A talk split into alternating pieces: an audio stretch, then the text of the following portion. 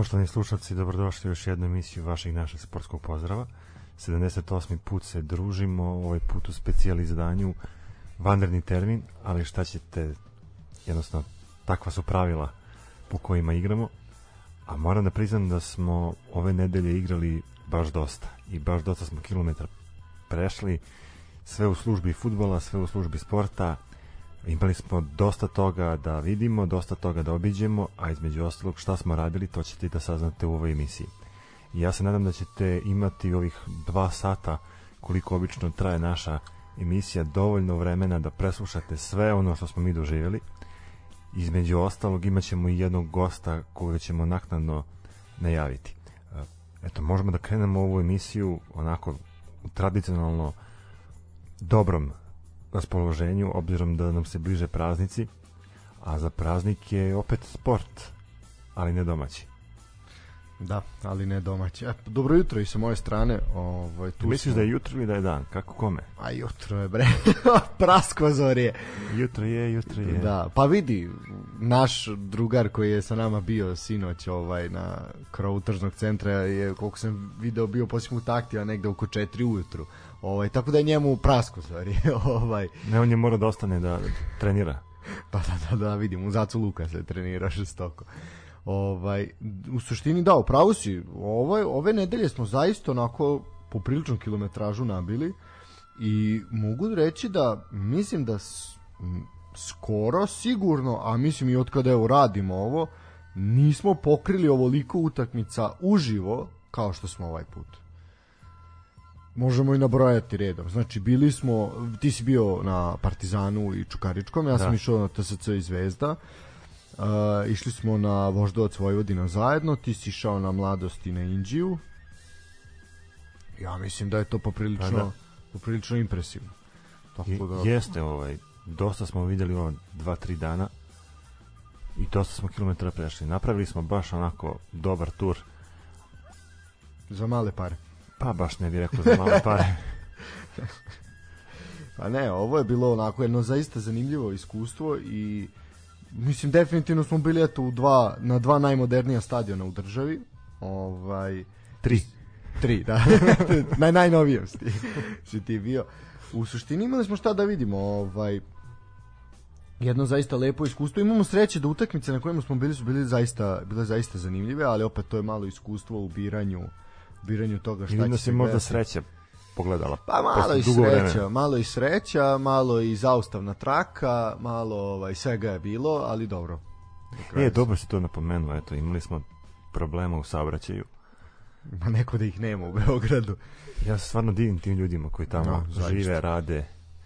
Svaka čast. Svaka čast. Znači, ja zaista ne znam za koji novac bih ovaj ili stambe ono a nekretninu ili stambeni objekat bi pristao da prolazim Čekaj sad ne bi uzeo stan u Beogradu na vodi da gleda direkt na Savamalu ili da gleda na ovo kako se Beogradsko šetalište ovo novo znači za platu od 300.000 i pa pra... stan ne bih prihvatio da živim. Pa pazi, ti kad bi radio ovaj posao koji radiš, ti ne bi mogu da platiš račune za, za tu nekretninu.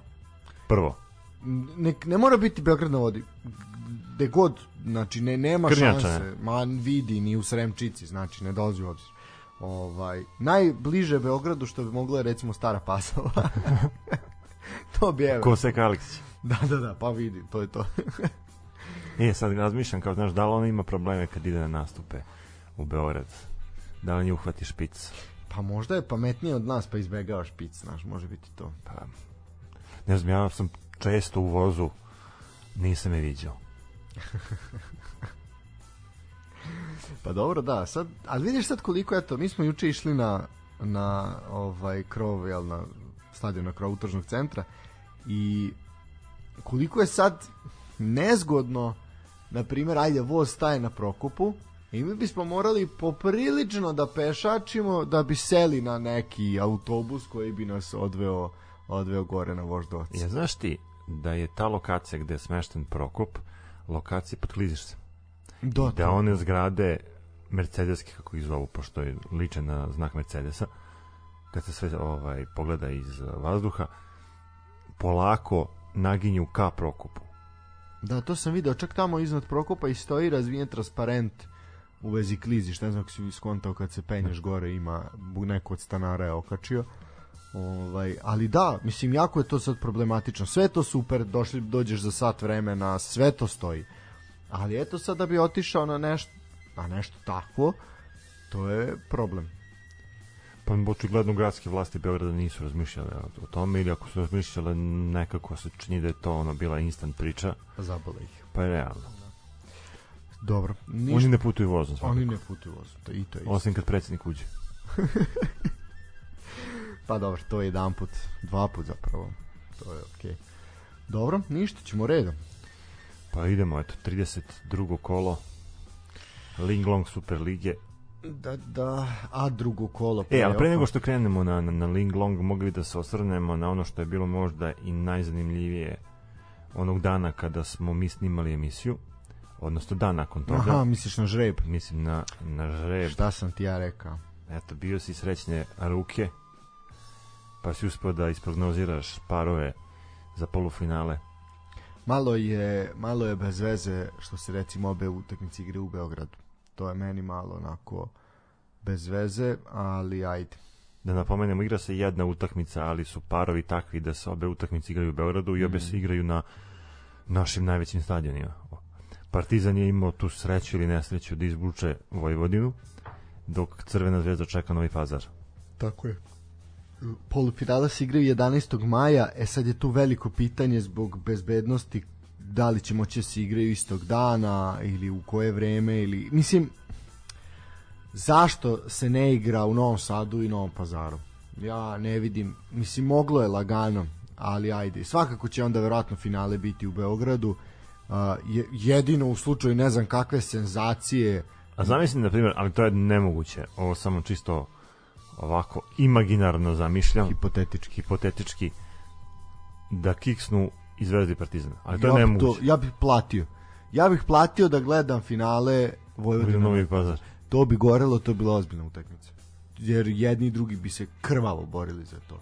Ovako, aj kao Zvezda će se boriti za duplu krunu, Partizan se bori za neki kao spas sezone, ono da se ne bruka još jednu sezonu bez trofeja. I opet ćemo imati taj neki derbi koji će ono biti mrljav, nikakav 0-0, ono 1-0, tako neka budalaština po meni žao mi je kažem što se ajde ono kao da se makar malo pomuče ono da igraju na strani. Ne znam previše je lako i previše očigledno. Žao mi je mislim u suštini mi je mi je žao. Ja bi čak mislim u nekoj, nekoj priči ja bi, ja bi izbacio Zvezdu i Partizan iz kupa. Ne, ne, ne treba da igraju kup eto Liga je onako osvete ligu non stop dajte im drugima nek uzmu nešto razumeš Pa ili ono se napred dva kupa ku u Engleskoj Da, da, da. tipa ono Community Shield i FA Cup. ma ne Community nego FA Cup i Liga Cup. Pa da, vidi to, može i tako, da. Neki imaš samo jedan trofej, samo superligaši, a onda ovo ko što se kod nas i učestvuje od onih najnižih rangova pa naviše, jel? Ili kod nas imaš taj kao Derby Cup, Pa ili recimo, da. Da Zvezda i Partizan igraju taj Pa taj kup. super kup, Pa da, recimo, da. da. Nešto, da, da. A bilo je naznaka za taj super kup. Bilo je te priče, to se pokretalo, da, pre par godina, međutim... a, Hvala to Bogu, je- pa nije zaživio. Da, da, mislim, to je zaista onako. A vidiš, na primjer, u Hrvatskoj je to bilo, pa su ukidali, pa su vraćali, pa tako, ono, na, šetalo je. Nije, nije baš, nije baš naišlo na neko odobravanje, jel ono kao... Znaš, nemamo mi tradiciju tih super kupova i toga. Pa znaš kako, ti kupovi, ajde gledamo u drugim zemljama, igraju se dosta dugo. E, imaš koliko toliko je ujednačenu ligu. Kod nas a, Zvezda i Partizan uz još dva, tri kluba odskaču od cele lige, ali ne znam nekako ne vidim uopšte poentu igranja još jednog kupa kad je ovaj kup koji igramo nije takav kakav treba da bude. Znaš kao, nema ništa ne donosi na značaju osim ono to. kao znaš uzeo sam kup pa sam spojio sa sa ligom. sa da. ligom to ti ono znaš kao, kao fazon kad kupuješ mobilni telefon E, kao kupiš mobilni telefon, pa dobiješ kesu. E, to je to. A dobro, mi se reći slušalice, kao ono, ali više ni slušalice ne Pa dobijaju ne, se. pa pazi, slušalice, po meni stvarno slušalice imaju mnogo veću vrednost nego kup. dobro, dobro, dobro. Pa kao, znaš, imaš tu simboličnu nagradu koju futbalski savez daje ili sponsor, ko već kad je tako Lav je, je jedno, tako. jedno vreme, dugo godina je bio sponsor tog kupa. Pa dobro, se da, Jelen je bio, pa to je bio... Jelen je bio uh, Lige, sponsor a lige, a su, Lav da. Kupa. Nemaš ti tu šta razumeš, no, kao dobiješ te pare, podelite na na ravne časti i ćao zdravo, znaš, kao ostaje ti taj pehar koji, evo, mi imamo pehar isto, da moramo da se pohvalimo. Evo, da, tu i mi imamo pehar, evo, sad ćemo slikati pehar kupa. Mislim, otprilike, s tim da, ajde kao naš, ovaj pehar što se deli za šampionat države je pehar koji ima neku istoriju, koji... Taj Da, on ima dva pehara. Jedan pehar koji ima, Ima tu ovaj istoriju, to je pro- taj top, kako ga To, zovu. da, im taj pro, kako kažemo prelazni i ovaj neprelazni Da. koji ostaje u vitrinama, to je u redu. Ali naš taj kup i sam taj pehar kupa onako meni ne znam nekako naš. Nije to taj Pazi, kup koji peh, pehar jeste bude. lep. Pa jeste lep, ali Kad pogledamo nema neku težinu. Pa nema težinu, upravo to, znaš. Nema težinu.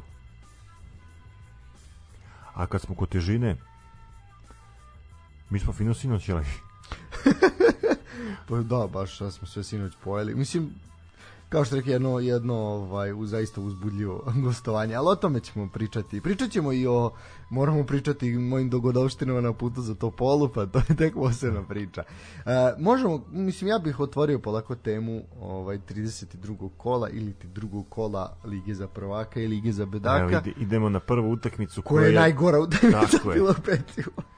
ništa posebno, ništa Je, pa vredno značaja. Jedna stvar, zapravo najlepši moment utakmice između proletera i radnika i surdulice je izlazak i igrača i jedne i druge A, u ekipe majicama. u majicama podrške za Vuka Mitoševića, što ja mislim da je zaista jedan izuzetno lep potez koji onako treba, treba ceniti.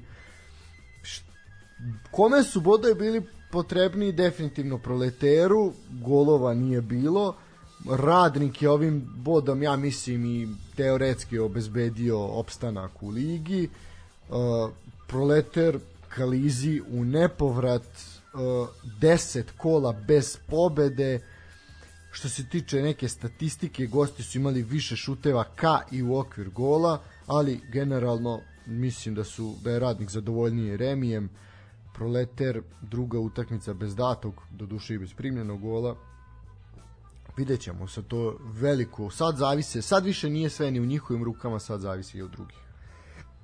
I nekako, pogotovo eto, sad, znači pet kola pred kraj, ostajete bez kompletnog stručnog štaba, znači i Dušan Bajić, i Nemanja Miljenović, i kondicionalni trener, kren- trener Bože, Marko Kuriđa, svi su napustili klub, ne zna se ko, ko će biti, niko ni neće, mislim da preuzme, pričali smo imali problema sa licencama, uh, Proleter po meni onako sve veći, sve ozbiljniji kandidat za put u prvu ligu. Pa, znaš kako, uh, gledajući trenutni saldo, ima dosta da se igraš. Što Ti kažeš tih pet utakmica. Pet puta po tri, to je igri 15, 15 bodova. bodova. Ali ne vidimo način na koji proletar može da izađe iz ove krize. Jako teško, čudo Pritom, iako se možda sad trenutno nalazi u boljoj poziciji da može da igra taj baraž kako bi se sad prekinulo prvenstvo, ja sam ubeđen da, da on u narednih pet kola može dodatno da se sroza i da stvarno ispadne iz lige. Apsolutno, mislim, uopšte tu nije kažem, po meni su jedni od ozbiljnijih kandidata, ako ne sad mi čak i ekipe kao što su uh, Novi Pazar i Metalac deluju spremnije za opstanak nego Proletar. Upravo to, to ti kažem. Znači, Ali, znaš ono, šta se Svo, desilo? svojim igrama su uticali Pokazali na to da, i da stvarno bodove i... zaslužuju da budu u rangu ni, U ispod. jebi ga i trude se, razumeš, mislim, ono, bore se ovde. Nekako mi ovi deluju kao da su se predali. Ne znam. Žao mi je, ono kao naš, pogotovo ta priča sa polusezone oko proletera, pojačanja, dovođenje, pojačanje stručnog štaba, medijski je klub porastao, naš sa svih aspekata su uradili, ali jednostavno, čini mi se da je samo problem da, Ne, da ukup, ukup, struka nije Pa ispratila. možda. jednostavno neki problem mora da postoji. čim ovako igraju. Znamo da li, je, da da li je do struke, kluba- da li je do, do igrača, Meni ne, čini ne, da je verujem, struke. ne verujem da je management kluba sad zadužen ne, za ne, to. ne, ovo je ne, ovo čisto ne. na, na račun uh, kluba, odnosno igrača. I, I- mislim, i biće ovaj, prava šteta. Da, biće prava šteta da, da ispadnu. Pa možda i neće. Pa ne znam, Znaš kako, ja gledam, ove sezone stvarno nisu pokazali ništa posebno. Nisu slaži. Osim, Osim odkidanja su- bodova Partizanu. Da, upravo I dobro, to. ajde, sa Zvezdom je bilo povuci potegni, ali na kraju Zvezda bila bolja. Nemam zašto da žalim ako bi stvarno oni napustili rank. Pa dobro. Mislim, meni je krivo jer je to klub iz našeg grada, razumeš, i eto, meni, meni je žao da nekako navikli smo i mislim da je lepo da Novi Sad ima dva kluba. Imaće. E, to ćemo doći do cvajte, pa ćemo pričati o tome, ali, eto, zaista ostaje žal i nekako, ne znam, prirastao je za srce taj proleter i bili smo i gosti njihovi, oni su bili naši i što ne znači naravno da ćemo ih zaboraviti kad padnu u drugu ligu, naravno da ne, ali definitivno onako jedno razočarenje. Očekivali smo više, očekivali smo više Pa i to je svakako, to. svakako, obzirom da znamo kako su zadnjih par godina igrali i kakve su imali rezultate u Superligi, stvarno sam očekivao više od Pa i uopšte ta cela priča koja se pokrenula, razumeš, jebote dobili su TSC u Novom Sadu, na primjer. Tako neke stvari. Šta sad da se radi? Šta je tu je? Idemo E, dalje. Kad si već spomenuo TSC, idemo E, u Topolu. e, evo nas. E sad, ovo je utakmica koja je po meni odlučivala pitanje šampiona. E, mislim, konačno pitanje šampiona, tu se stavlja po meni svaka tačka na dalju raspravu o tome ko uzima titulu, jer mislim da je TSC na TSC areni jedini protivnik koji je koliko toliko mogao da poremeti ovakvu crvenu zve- zvezdu, ovako zahuktalu. I mi smo bili tamo prisutni i ja moram da se zahvalim i Atili i uopšte celom menadžmentu ovaj TSCA što su nam bezbedili čak tri mesta u novinarskoj loži što za ovakav duel ovakvog interesovanja intenziteta je malo i nestandardno da tako kažemo. Ovaj i mi smo se uputili put Topole, međutim smo ostali bez goriva na sred autoputa. Ne, preračunali ste se. Pa preračunali smo se, da, ovaj naš ovaj drugar koji je vozio naš, pa dobro, naš i Doktor. dok naš doktor iskače se malo pa prerač, malo se zajebucnuo. Ovaj jednostavno smo moment moment u momentu sa auto gasi, razumeš, na sred autoputa mi znamo da smo blizu isključenja za Bačku do polu, ali ne znamo šta se dešava. Auto ne prima gas, neće da ide i bukvalno ulazi auto u stealth mod, ovaj, naš onako klizi samo niz, niz autoputa sa tim klizenjem, onako i naše želje i nadanja da ćemo stići na vreme. Međutim, ovaj, doklizali smo do pumpe, sva sreća, ovaj, natočili najskuplji mogući dizel za 220 dinara. Opa, široko. Š- 220 majki jebem, ovaj, nasuli smo to goriva, naravno morali malo da poguramo jer je presiso, tako reći. I kad smo upalili duž, odmah smo krenuli na naplatnu rampu i tu je prvi problem. Ako izuzmemo ovaj smo bez goriva. E, znači, za interesovanje, kao što je, bio je pun stadion. Znači, dan, 24 sata pred samu utakmicu, više nije bilo karata. Znači, ostalo je slagaću te desetak mesta u gold loži. Znači, to je druga A koliko je bila karta za tu golu ložu? Oko 4000? A 4000 je bila za gold ložu. E sad, ja da budem iskren, razliku između silver, gold i premium lože, ne znam, osim lokacije. Šta tačno ulazi, morat ćemo jedan put ići da, da probamo da vidimo. Znam da postoji posluženje, piće, sve to i znam da se razlikuju u tome gde se sedi, ali š, mora biti još verovatno neka razlika sem pozicije. Uh, stadion je bio rasprodan, znači stadion je bio pun uh, i tu se pokazalo ono o čemu smo i ti i ja pričali kad smo bili i prvi put i posle kad smo Toza i ja bili, uh, a to je da jednostavno taj prilaz stadionu nije adekvatan da primi toliko hiljada ljudi.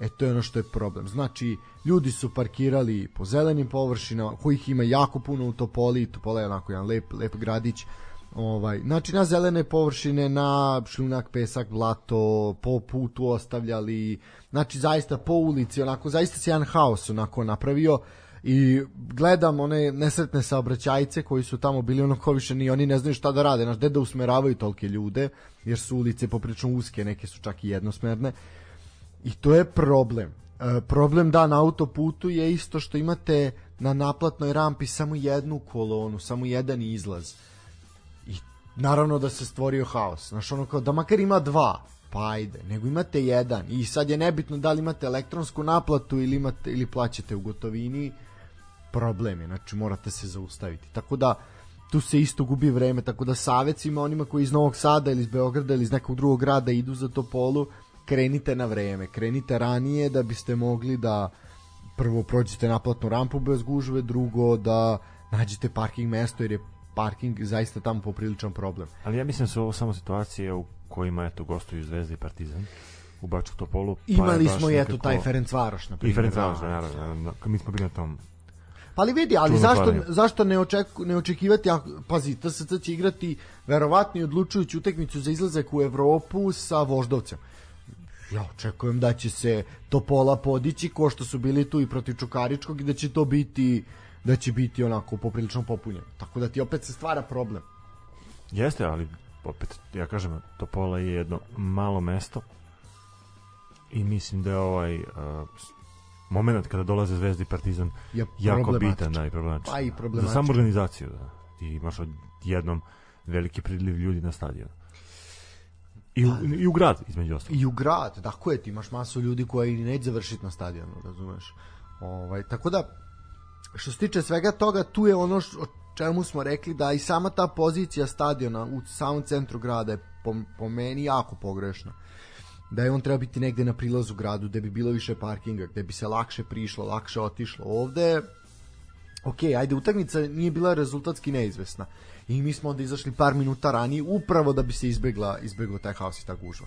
Uh, što se tiče same, ajde pričamo sad o samoj utakmici. Ovo što se tiče organizacije i svega oko samog stadiona, na samom stadionu TSC je položio ispit, to je sve bilo fantastično kao i svaki put, znači bez sve lako, sve sve normalno. Mada i tu i dalje prisutan taj neki iracionalni strah od ljudi koji posećuju stadion koji meni dalje nije jasan zašto. Voleo bih da dovedem nekog psihologa da mi objasni čemu je problem. Ali ajde, Što se tiče same utakmice, uh, svi su prokomentarisali da je veliko iznenađenje i da je tu negde ta karta ovaj džoker na koji je odigrao Stanković je da će promeniti formaciju u odnosu na uobičajenu da će igrati sa tri čovjeka pozadi. Igrao je sa Erakovićem, Dragovićem i Pankovim pozadi. I deluje da je to zbunilo i igrače TSC jer nisu znali kako da probiju. I dok su oni bili zbunjeni, nesnađeni, ovi su dali go, razumeš. I Ivanić već u 16. minutu, pritom je Kataj prošao, vidi, prošao je kao vrelim nožem kroz sir. Znači, delovalo je kao da svi ostali stoje u mestu. A nisu, trčali su za njim. Jednostavno, ono, iskoristili su taj moment, da postigli su pogodak, onda se tu TSC konsolidovao, onda su počeli da probijaju sa strane i Jukstanojev i Banjac, Banjac bio totalno indisponiran, Ratkov je pokušao nešto, znači bilo je neki pokušaj, bilo je jedna ozbiljna, ozbiljna šansa gde je sa ponako sa metar su Vukić je zakasnio da je samo korak ranije krenuo postigao bi pogodak i tu bi onda sve bilo drugačije drugo polu vreme Ivanić 2-0 64. minut nakon fantastične ovaj asistencije Kange zatim 3-0 opet Ivanić u 67. gde se čovjek okrenuo i kroz četiri igrača šutirao i zaista prelepo pogodio je onako lepši gol u ovom kolu Ben na kraju posle odbitka za, za 4-0 šta reći TSC 12. poraz u prvenstvu uh, ovo je najveći najubedljiviji poraz TSC-a E sad, ova ostaje trka za to četvrto mesto, ali eto sad je problem. Zakuvava se. Zakuvalo se, biće borba za Evropu, onako zaista zaista opasna i zanimljiva. Šta da kažem, potpuno su ocekli najjače oružje TSC, to su svakako krila i jednostavno bez učinka tih bočih igrača TSC je bio bio bezopasan Mirko Ivanić po meni igrač kola zaista crvena Ja stvarno je dobro odigrao. fantastična utakmica Mirka Ivanića, znači čovjek je postigao tri pogotka, od toga dva zaista jako lepa. Po meni svaka čast, Dejan Stanković i od, od, od, odličan posao. E, imali smo sad prilike više nego ikada, pošto smo sedeli iznad klupe Crvene zvezde. Da čujete, Pardon, da pardon. čujete kako Dejan Pardon. Stanković vodi ekipu. Tako je. I znaš s kojim prvo s kojim žarom, ajde to je jasno kad gledaš preko TV, ali on us, posle svake situacije i pre svake situacije znači bukvalno svakom igraču daje instrukcije, vraća ga na mesto na koje treba sedi, da stoji, jel? Ovaj, da, gde treba da se nalazi, šta, na šta da obrati pažnju. Znači, čovek je bukvalno njihove oči na terenu i dešavalo se tipa Gajić i Pankov da su ispadali, Pankov je u početku izgubio nekoliko duela. Znači, on je jednostavno tako ih dobro navodi, tako dobro e, ima pregled igre, što, a vidi realno, ti dole sa te pozicije gde se trener nalazi, ti nemaš Odnosno, baš tako, dobar slažem, da. gledanja, da. Jer sećamo se da su neki treneri postavljali saradnike na tribine, da bi onda kao u NFL-u što gledaju jel postavke, da bi im onda javljali preko bubica i tako da je preko slušalica. Što nije zabranjeno, naravno. Ovaj, ali zaista fantastičan i opet to dolazimo na onu priču, to smo pričali i sa, sa Žikom i sa Gagijem s kojim smo tamo sedeli uh, Stanković da ne zna sve to, on ne bi igrao na tom nivou godinama, godinama na kom je bio. Znači, to tu jednostavno mora se... Mislim, po meni je ovi možda otklonjena dilema ko je možda najbolji trener u Srbiji u Superligi, recimo. Mislim da je to definitivno Dejan Stanković. Dobro. Ovaj, eto, vi ste se lepo proveli u Topoli. E, ti si bio u Beogradu, ali tako? Imali ste priliku da vidite goleadu Crvene zvezde.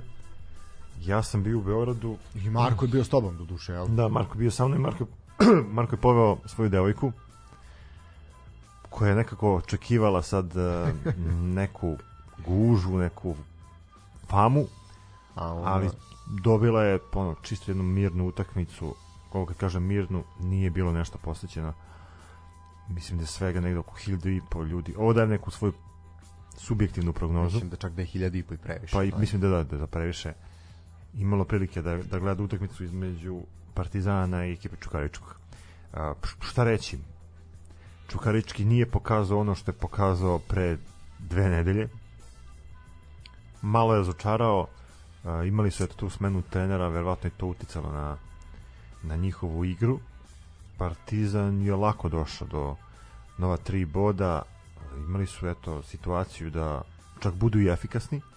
Obično Partizan kad igra sa Čukaričkim to je neka tvrda utakmica koeficijent od 0 do 2 kad su pitanju golovi ovde se Partizan raspucao postigli su tri pogotka. Ono što je meni bilo interesantno jeste da kad pogledamo intenzitet postignutih golova Partizan je mnogo bolje igrao u prvom poluvremenu nego u drugom. Evo, eto, u drugom je postigao više Šta reći, uh, imali smo prilike da vidimo Bibrasa Natha u startnoj postavi, nije bio na derbiju. To je... Delo je da je greška što nije ranije ušao. Pa Da je- definitivno, znaš kako, on je ako ti kažeš sad da je Dejan Stanković oči svoje ekipe ovde je Bibras Natho Definitivno, definitivno, slažem se. Definitivno da, da je trener čovek koji vuče Partizan ali opet nekako mi se čini da da ima momente kada mu se igra kada mu se ne igra. Znaš ono kao kad ustaneš ujutru za posao neka ti se radi neka ti se ne radi. Tako mi Bibras Natho deluje E, eto imao je par e, dobrih dodavanja. To je uticalo na to da Partizan postigne par golova u ovoj utakmici kažem opet prvo polovreme Partizanovo izgledalo mnogo bolje nego drugo kada smo kod golova eto e, prvi gol je bio gol iz penala opet Natho i opet golman nije uspeo da mu pročita stranu to je meni ono već uh, misterije kako čovek već 20. put, tako mislim da je 20. put šutirao penal za, Da. sa Partizan, golman ne može da mu pogodi stranu. I mi se onako u šali radujemo momentu kada će Natko promašiti penal, jer stvarno čekamo da, da taj golman dobije ozbiljno priznanje, ono, bar da bude igrač kola. Drugo poluvreme, eto, um, nakon male konfuzije u 16 Čukaričkog Igor Vujačić postiže gol. To je već bilo 2-0 za Partizan i to je meni već bilo dovoljno jasno da, da, da ova utakmica gotova. E, međutim, Ricardo je u 52. povisio prednost na 3-0 i na kraju greška u odbrani Partizana gde je za ekipu Čukaričku Kovač postigao gol sve u svemu 3-1 ono što mogu da kažem eto osim te sramne posete koja je bila baš sramna je to da su ljudi napustili na poluvremenu stadion da, da bi otišli da gledaju problem, da. košarku Partizan je igrao utakmicu sa Bursom u areni tutti frutti Burs ali o tome nek pričaju neki drugi ljudi Ma da, mislim... Mi se baziramo na futbal i nas interesuje samo futbal. Bar pogotovo kad je ovako, pogotovo kad je ovakva situacija. Uh, da, mislim što se tiče Partizana, pst, onak. Znaš kako, evo sad, uh, novine, Stare. novine pišu o tome, danas ja moram da, da, da, da to spomenem jer mi je to onako baš uh, interesantno. Pišu, uh, to ćemo slušati. Da, evo, imamo žurnal koji kaže danas, on, Ricardo ne gubi nadu, ne možemo da odustanemo. Evo, ti si napomenuo da tom utakmicom između TSC i Zvezde... Ja mislim da je to gotovo. Gotovo prvenstvo da. i ja se slažem sa tobom. Ja mislim čak da je možda i prošle nedelje utakmicom na stadionu Rajko Miti. Ne, upravo si, upravo si. Znači ja sam preformulisao to što sam rekao. Znači po meni je stavljena tačka. Da, da, da. da. da znači ono jeste bilo rešeno, usmereno. Jedna ruka je bila na trofeju, mislim su sad obe i to je to. Pa ja ne vidim stvarno ekipu koja može da, da, da uzme bod Crvene zvezde, pa, ali opet i da uzme, kola, i da uzme bod Crvena zvezda Ma, na hiljadu mora... načina ima bolji odnos Crvena zvezda mora da izgubi da mora da izgubi znači, to, zato, to je... zato ne vidim da da bilo ko može zvezdi da zvezda pobedi to je mogo TSC da uradi, ali je Stanković odradio majstralno posao, nije dozvolio kiks. Ono što Grof Božović nije uradio one sezone, a to je da dobije tu jednu utakmicu koju je trebao, Stanković je zuradio, da. I svaka čast nema šta, Zvezda je kvalitetnija ekipa i kraj. Idemo dalje. Sledeća utakmica, eto, koja je bila E, ovo bih ja prokomentarisao, napredak radnički niš. E, upravo da. to, da. E, ja sam pratio ovu utakmicu i ja moram reći da je ova meni utakmica poprilično čudna i sad ću ti otvoriti tabelu. Nešto mi jako smrdi ovde. Uh, radnički iz Niša koji uh, nakon četiri kola onako dva nerešena i dva poraza i to kakva poraza i od kojih ekipa odjedan put preko noći po se razgoropađuje postaje ne znam, mašina koja melje ono vel, veliko belivuk tilisi znači vidi ovakvu dominaciju radnički niš nije pokazao cele sezone Pritom pa su dobili napredak, napredak koji nije tim koji se bori za opstanak. Ali Tako čini je. mi se da napredak će sve utakmice do kraja izgubiti, jer on njih ne zanima, ono što sam rekao i prošli put. Oni su svoj opstanak obezbedili, ima to nebitno, ne pucaju na Evropu, ne mogu do Evrope. Pa nema nikakva ambicija njihova. A vidi sad radnički ovom, ovom pobedom i kako se uključuju u borbu za Evropu, što je suludo da će Niš na onakvom terenu igrati Evropu. Mislim, to prosto mi Me je interesantno, zato što se sad stvarno zakuvalo da za to četvrto mesto tri ekipe, uključujući i Vojvodinu pa, koja ide četvrta. 1, 3 plus 1, tri favorita da, i jedan ono ispred kraja. Pretenduju, bit će baš interesantno. Eto, pratimo tu borbu za, za četvrto mesto i pratit ćemo... I borbu za opstanak. O borbu za opstanak, to definitivno. To, to smo shvatili odavno da, da je u ovom prvenstvu najvažnije u zadnjih par kola. Šampion se već odavno zna. Da, što se tiče ove utakmice, eto, Real sa Nišave nije odustao od borbe za Evropu i ja mislim najbolja partija radničkog u ovoj sezoni, najubedljivija pobeda. Uh, s druge strane, napredak je doživio najteži poraz u sezoni. Uh, ne znam, delo je da onako napredak je otišao na odmor i ta, psihički su otišli na odmor i jednostavno Mm, eto, imali su igrača manje, ali to sve nešto nije, ta, utak, ta utakmica je rešena mnogo pre toga. Prvo je Arsić u 12. minutu s penala poveo na 1-0, zatim Aleksandar Mesarović u 24. Mitrović u 49. i Milovanović je postigao auto gol u 84. minutu s tim da je poništen gol napretka Melunović je dao gol negde tamo krajem prvog polovina, recimo 41. minut je bio, ali je gol poništen opravdano zbog offside-a i moram pohvaliti uh, VAR sudije da je to sad ovim posljednjih 2-3 kola se to sve to lepo mora, selo. Pa sad mora. Selo, pa vidi, ali to je ono što smo i rekli, u, vežbajte sve, ali aj sad kad je bitno, nemojte sad da pravite sranja. I za sad je tako, za sad zaista ovo posljednja 2-3 kola to sve jako lepo mnogo lepše funkcioniše nego što je bilo. Može i bolje, naravno. E, to je po meni iznenađenje kola je svakako ubed, nisam očekivao ovakvu ubedljivu pobedu radničkog, a najveće iznenađenje kola je poraz radničkog u Kragujevcu. To je narodna utakmica i to je već utakmica jučerašnjeg dana, jel? Ovaj, Da, ju, da, juče se igralo.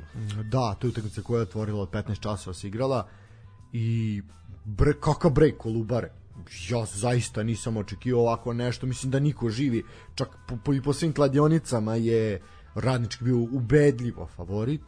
Uh, I sad ova pobjeda Kolubare znači gotovo izvestan opstanak u društvu najboljih. Sad jako teško će skliznuti. Ja ne vidim način da oni mogu da, da, da ispade iz lige.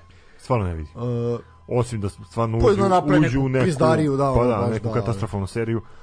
Ali, ne znam, imaju 40 bodova, mislim da su oni prvi u toj zoni. Da, prvi su, da, da, tako, prvi. Ovaj, zaista, ne znam, svaka čast pobediti ovakav radnički na njihovom terenu je nešto što zaista zavređuje svaku pohvalu i pažnju i nema šta da kažem, osim svaka čast i momci su, srpski Sassuolo ostaje u ligi i to mi je drago. Uh, imali su zaista turbulentnu sezonu, ali na kraju to mislim da su zaista pokazali dovoljno da opstanu. Uh, ne, igrali su svoju igru, da, mlad tim, ali što izuzetno cenimo. bitno je reći da su dobili radnički u prvom delu sezone, da. to je isto bitno. Uh, što se tiče Kragujevca, Kragujevčanima su na redu dva teška gostovanja i imaju gostovanje, sad ću ti reći tačno, idu mislim u Lučane, da, idu u Lučane, pa u Pazar, pa onda dočekuju Proleter, to mislim da im je možda i najlakša utakmica, i onda idu u Suboticu pa dočekuju Metalac. Znači, vidi, sve to, još u momentu dok se ovo igralo, Spartak je poveo protiv Metalca i onda je tu delo kao, a u, ali će biti problema ako Spartak pobedi, međutim to se nije desilo, tako da zaista, zaista onako teški, teški mečevi pred radničkim i svaka ali svaka ovaj utakmica će za njih biti na krvi nož. To je Lalatović i najavio da će se do posljednje kapi krvi boriti za za svaku na svaku utakmicu za svaki bod. Jer jednostavno ono bo, go, svaki bod je važan, da. Svaki bod je presudan. Što se tiče toka utakmice, Radovanović je u 50. doveo Kolubaru ovaj, u prednost, e, Trivunović je u 62. smanjio, da bi Stojanović već u 66 uh, ponovo doveo Kolubaru u prednost, radnički nije uspeo da izjednači i ostaju bez jako, jako bitnih bodova. Uh, Metalac Spartak, to je utakmica koja je počela nešto kasnije i jučerašnjem danu, uh, nije uspeo to Metalac da dva puta pobedi Spartak, uh, bilo je nerešeno, oba gola su postignuta iz penala, uh, u prvom polovremenu, prvo je Nikolić doveo Spartak u vojstvo, zatim je Stojanović izjednačio, uh, Uh, s tim da je jedan gol poništen Spartak, ali tako? Da. Uh, E sad i to je, znaš kao, diskutabilno, mada mislim da sudija tu stvarno donao dobru odluku, moram da pohvalim, bar na ono, na osnovu onog snimka koji sam ja pogledao, čini mi se da je stvarno sudija dobro postupio. Možemo reći da... O, e, ono što je obeležilo ovu utakmicu su eto ti penali. penali, da. Penali, ništa više. Igra ko igra, ono, standardno, lopta na jednoj na drugoj strani, neki napadi koji se manje više završavaju nekim lošim centar šutevima ili ispucavanjima to je to Uh, bar s moje strane ono što sam ja Pa video, da, ti si mislim- možda to malo detaljnije. Pa i pravo ti kažem, i nisam jer smo u tom momentu već smo se nalazili na putu za za ovaj, kako se zove, za voždovac, jel? Ovaj, ono što ću reći samo da je to, da je pobeda nad Spartakom koja se desila 2. aprila je jedina pobeda metalca u posljednjih devet kola, pa eto i ne čudi gde, ta pozicija na tabeli. Spartak za sada ostaje iznad opasne zone, ali za njih će definitivno biti ključna utakmica u Subotici protiv Radničkog iz, iz Kragujevca. To će definitivno biti utakmica koja će, mislim, odlučivati, odlučivati njihovu sudbinu. Vidjet ćemo, vidjet ćemo šta će se tu dešavati. E sad, ćemo ići na kratku pauzu. pa- Može, može, pa se zaslužili vraćamo. pauzu. A, sam si najavio narednu pesmu. Novine pišu o njoj.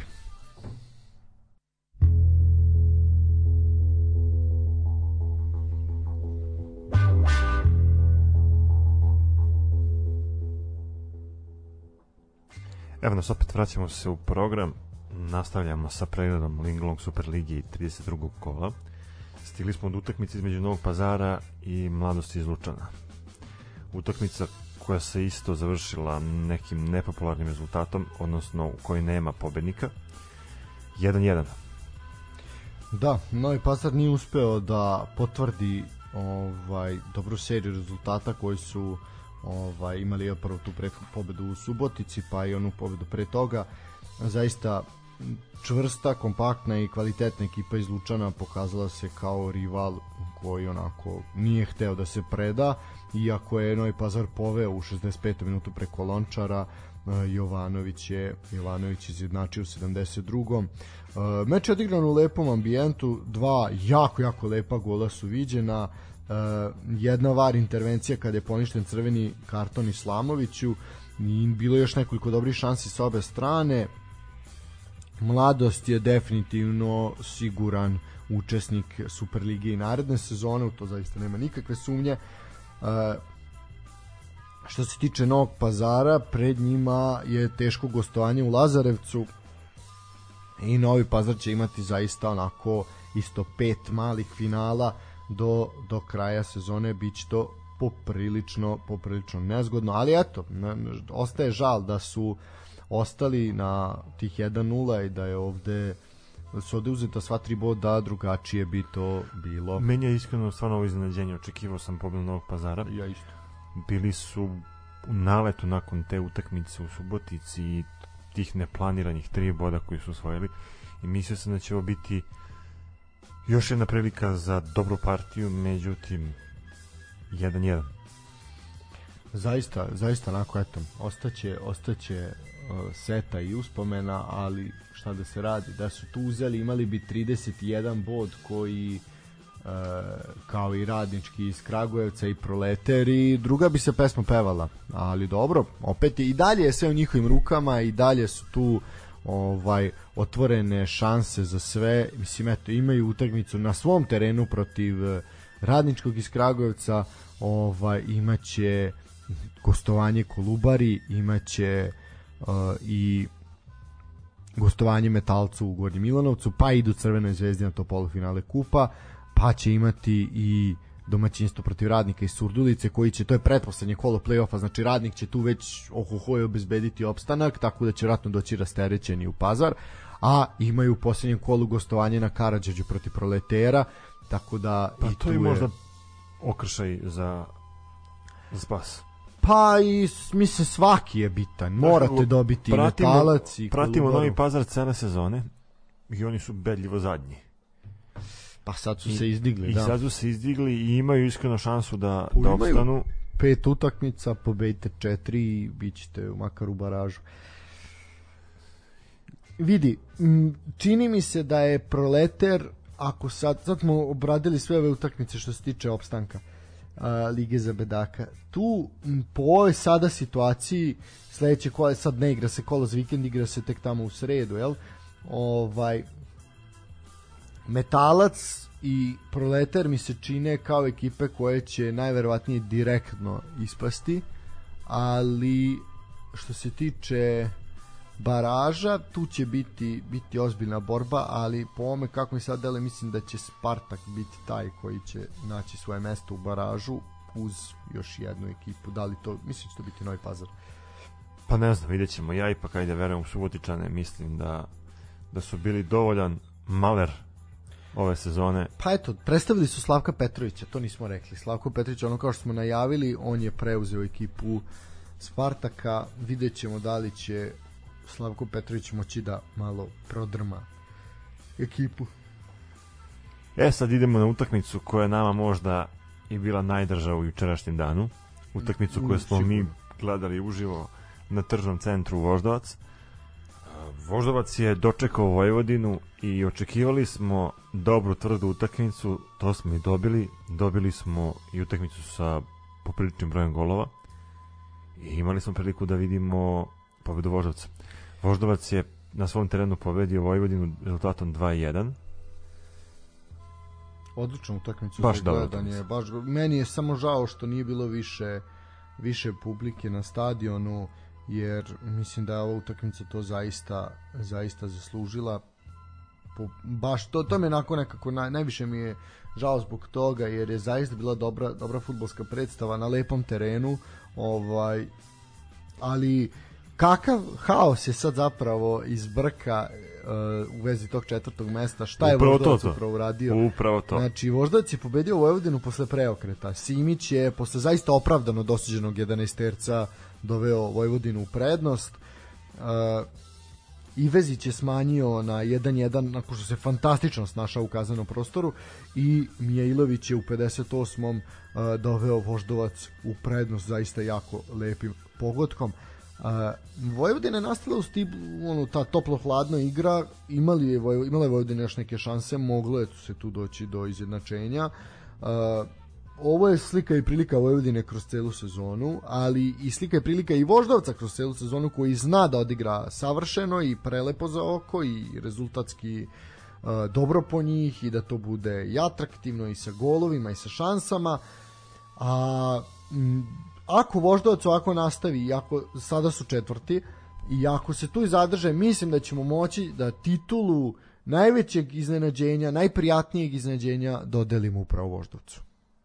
Mislim, sigurno, posebno od trenutka kad je Aleksandar Linta seo, seo na klupu, zaista Voždovac onako konsolidovao i to. Iako su ostali po, po meni bez najkvalitetnijeg igrača u timu, to je Vujnović, a, definitivno je timski su to izneli taj nedostatak i a to beleže, beleže dobre rezultate. Dobri su stvarno dobro igraju. Eto, u razgovoru sa, sa njihovim rukovodstvom znamo kako prolaze svaku utakmicu, kako se pripremaju. Imali su naravno i oni nekih grešaka, što je normalno u sportu, No, naravno. pogotovo u futbalu. Ali eto, do, dobro napreduju i vidjet ćemo kako će se realizovati dalje ta borba za to četvrto mesto. Pa da, Eto, e- te tri ekipe u koje smo napomenuli su uključene u direktan okršaj i će iz kola u kolo interesantno da, da vidimo ko će u Evropu.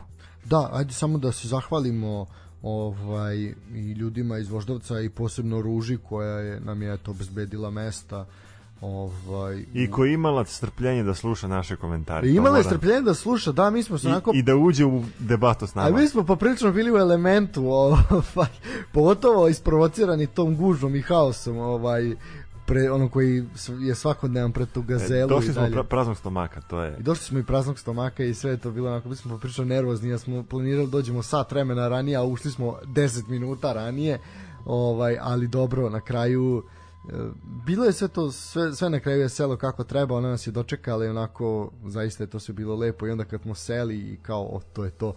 E, mislim, posebno je bilo lepo što su naše imena bila odštampana, ovaj, ja sam taj papir poneo kući, ovaj, kao uspomenu gde piše ovaj, jel, naziv naše emisije i naša, naša lična imena. I sad kad ovako eto posetili smo sad i zajedno i taj uh, stadion na kraju tržnog centra. Ja nisam bio pre ovo je meni prvi put tamo i sad kad uporedimo i baš sam to pitanje namerno postavio i Žiki a i tebi koji stadion ti je lepši da li TSC ili Voždovac to su dva, znači da isključimo to su dva najmodernija stadiona koje mi imamo da se mi ne lažemo ovo sve ostalo je zrelo za remont Pa, opasan ajde ovako, ubacuje bi ja i stadion Metalca. Dobro, može, može, slažem se, može, ajde. Znači, u ta tri, Metalac nema jednu tribinu, li tako? Iza gola. Mm, da, jedno, tri dana imaju tri, tri tribine. Tri tribine. Znači, i fali jedna tribina. Uh, što se tiče Ovi kvaliteta... ostali stadioni imaju svoje četiri. Tako je. Što se tiče kvaliteta teren, same travnate podloge, mislim da je, su tu Novi Pazar i Voždovac malo iznad metalca, ali mislim da samo zato što je novije postavljena podloga uh, i veštački teren, veštačka trava je na, na Voždovcu, u, na TSC-u je uh, hibridna podloga. Znači, to su ja bi ga razlika, je, razumeš, ne možeš porediti uh, ono Toyota hibrid i Juga, ja bi ga ni isti auto. Ali dobro, uh, sam prilaz stadionu je problematičan i Dobro, za... mi to pričamo problematičan da. zato što smo imali tu situaciju da smo ono upali u taj špic, gde nam je dugo trebalo ali... da se isključimo, ali uh, ja sam to više puta napomenuo. Uh, stadion je izgrađen na mestu starog stadiona. Tako je. Znaš, uh, opet i ta vlasnička struktura i taj model gde ti želiš na, na, na nečemu što je ranije bilo simbol tog kraja da izgradiš nešto novo, bolje i to podržavam i opet gledam taj neki engleski fazon da, da su stadioni u centru grada da. stadioni tamo gde im je bilo mesto a ne ovi novi moderni koji se izmeštaju meni je sasvim to ok i opet uh, gledam što se tiče... Znaš, nije, nije problem ta sama lokacija stadiona. Problem je sve ostalo. Problem je sve ostalo što ide. Uh, mislim, naravno, pričam ovo za, za celu našu ligu, nije samo uh, stadion. Pa Ti si meni sad ovaj, postavio to pitanje i spomenuo kao ko je favorit. Uh, ja moram da kažem da stvarno nemam favorita kad, kad, su, kad su ovi klubovi u pitanju. Nije diplomatski odgovor, to baš izbegam u poslednje vreme da, da dajem. Ali nekako gledam, svaki stadion je priča za sebe kada se stadion Voždovca izgradio, svi smo pričali o tome. Da, to je svetsko čudo bilo, ne? Jedina mana stadiona Voždovca je ta što kad god se igraju neke velike i bitne utakmice zatvaraju jednu tribinu. dolazi do zatvaranja. Nikad nismo videli taj pun kapacitet e, stadiona to je meni tako to je ono što je jako tužno. Znaš kao ajde u Topoli opet imaš tu mogućnost imao si i Zvezdu i Partizan evo sad imao si tu da kažeš evropsku, da. evropsku utakmicu gde si imao rasprodan stadion. To je ja mislim da je stadion Voždaca jedino bio popunjen kad je bio Lexington Band ne, ovo stvarno ozbiljno kažem bez zebancije. Dobro. Ovaj, da, ali to jeste problem, razumeš, jer i akustika jednog i drugog stadiona Odlično, je fantastična. Super, super. Znači ti si imao juče da ti je koliko, 50 ljudi napravilo atmosferu da je stadion grmeo. Isto to je bilo i u Topoli, znači da je ta grup, ne znam recimo koliko je bilo navijača, možda 200 ovaj, ti koji su konstantno navijali A, da su oni... Blue Bećas. Ne, ne, ne, mislim na navijače Zvezde. Aha, navijače Zvezde. Ovaj, koji su konstantno onako navijali i tu se isto napravila jedna fantastična, fantastična atmosfera. Ovaj, tako da, zaista mislim da, uh, eto, ja bih malu prednost, malu prednost dao ipak TSC-u, ali definitivno je ovo su stadioni za primer i pa čak i klubovi, ali i stadioni za primer i prava je šteta što ne imamo samo tri ovakva stadiona što bi trebali bi zaista da da svi budu makar ovakvi i onda je to naš samo onda odlazak na stadion i sad kad ti sva infrastruktura takva ti nije mučan. A ja bi ga ići i na Karadžođe pa i na Rajko Mitić i na Partizanovi onako poprilično mučno.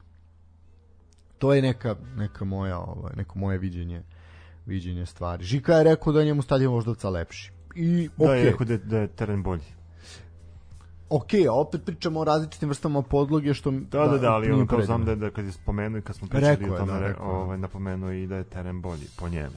Po njemu, da. E sad, to, to je opet naravno mišljenje, ali svakako eto da su među najlepšima jesu i možemo i da obradujemo ljude da ćemo najverovatnije raditi jednu emisiju sa stadiona ovaj na krovu tržnog centra, tako da to će biti onako isto i jako zanimljivo za nas, jedan lep izazov za nas, ali dobro, o tom potom polako. I vidjet ćemo, prvo skoči pa reci hop.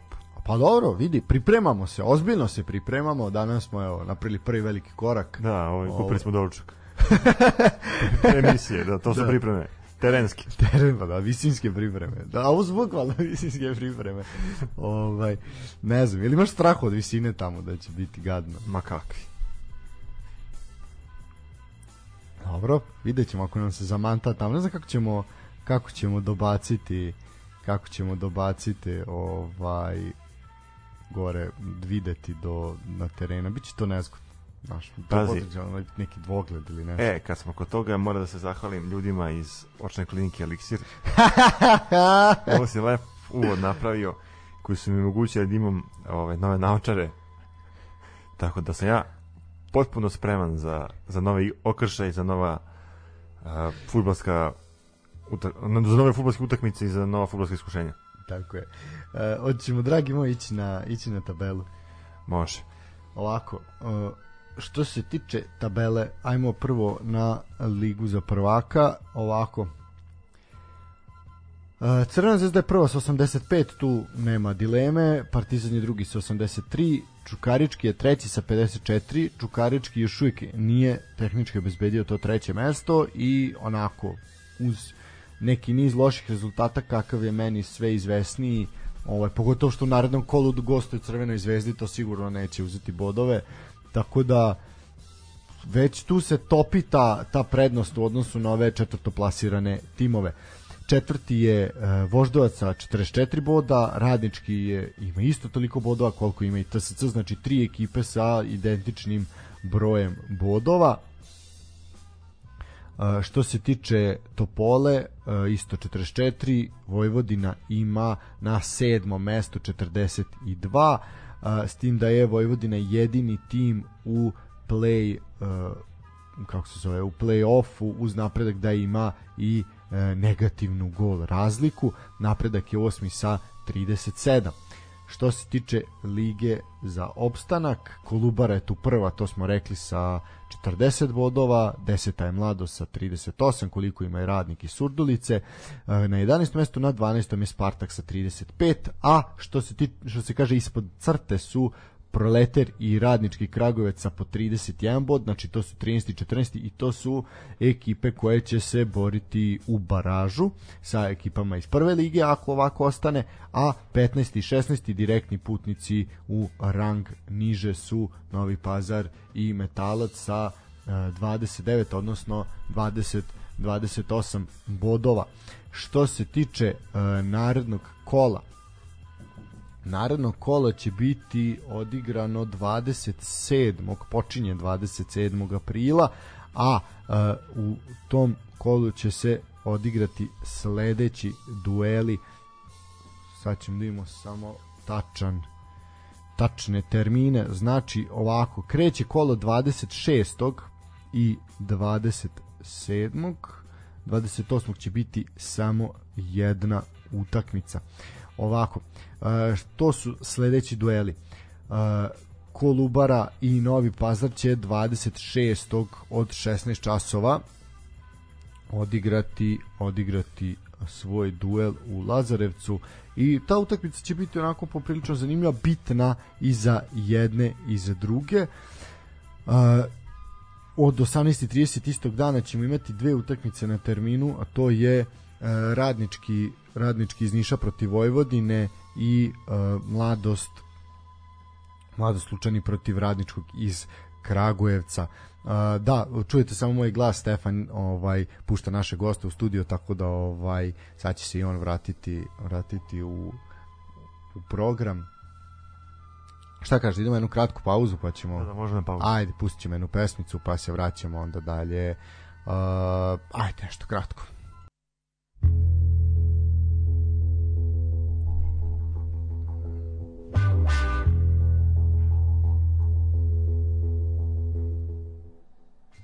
Uspeli smo da smestimo našeg gosta, udobno da ga smestimo i da mu damo neku zanimaciju dok mi završimo naš futbalski deo. Pa ja sam njega uključio, on ako hoće može da se javi.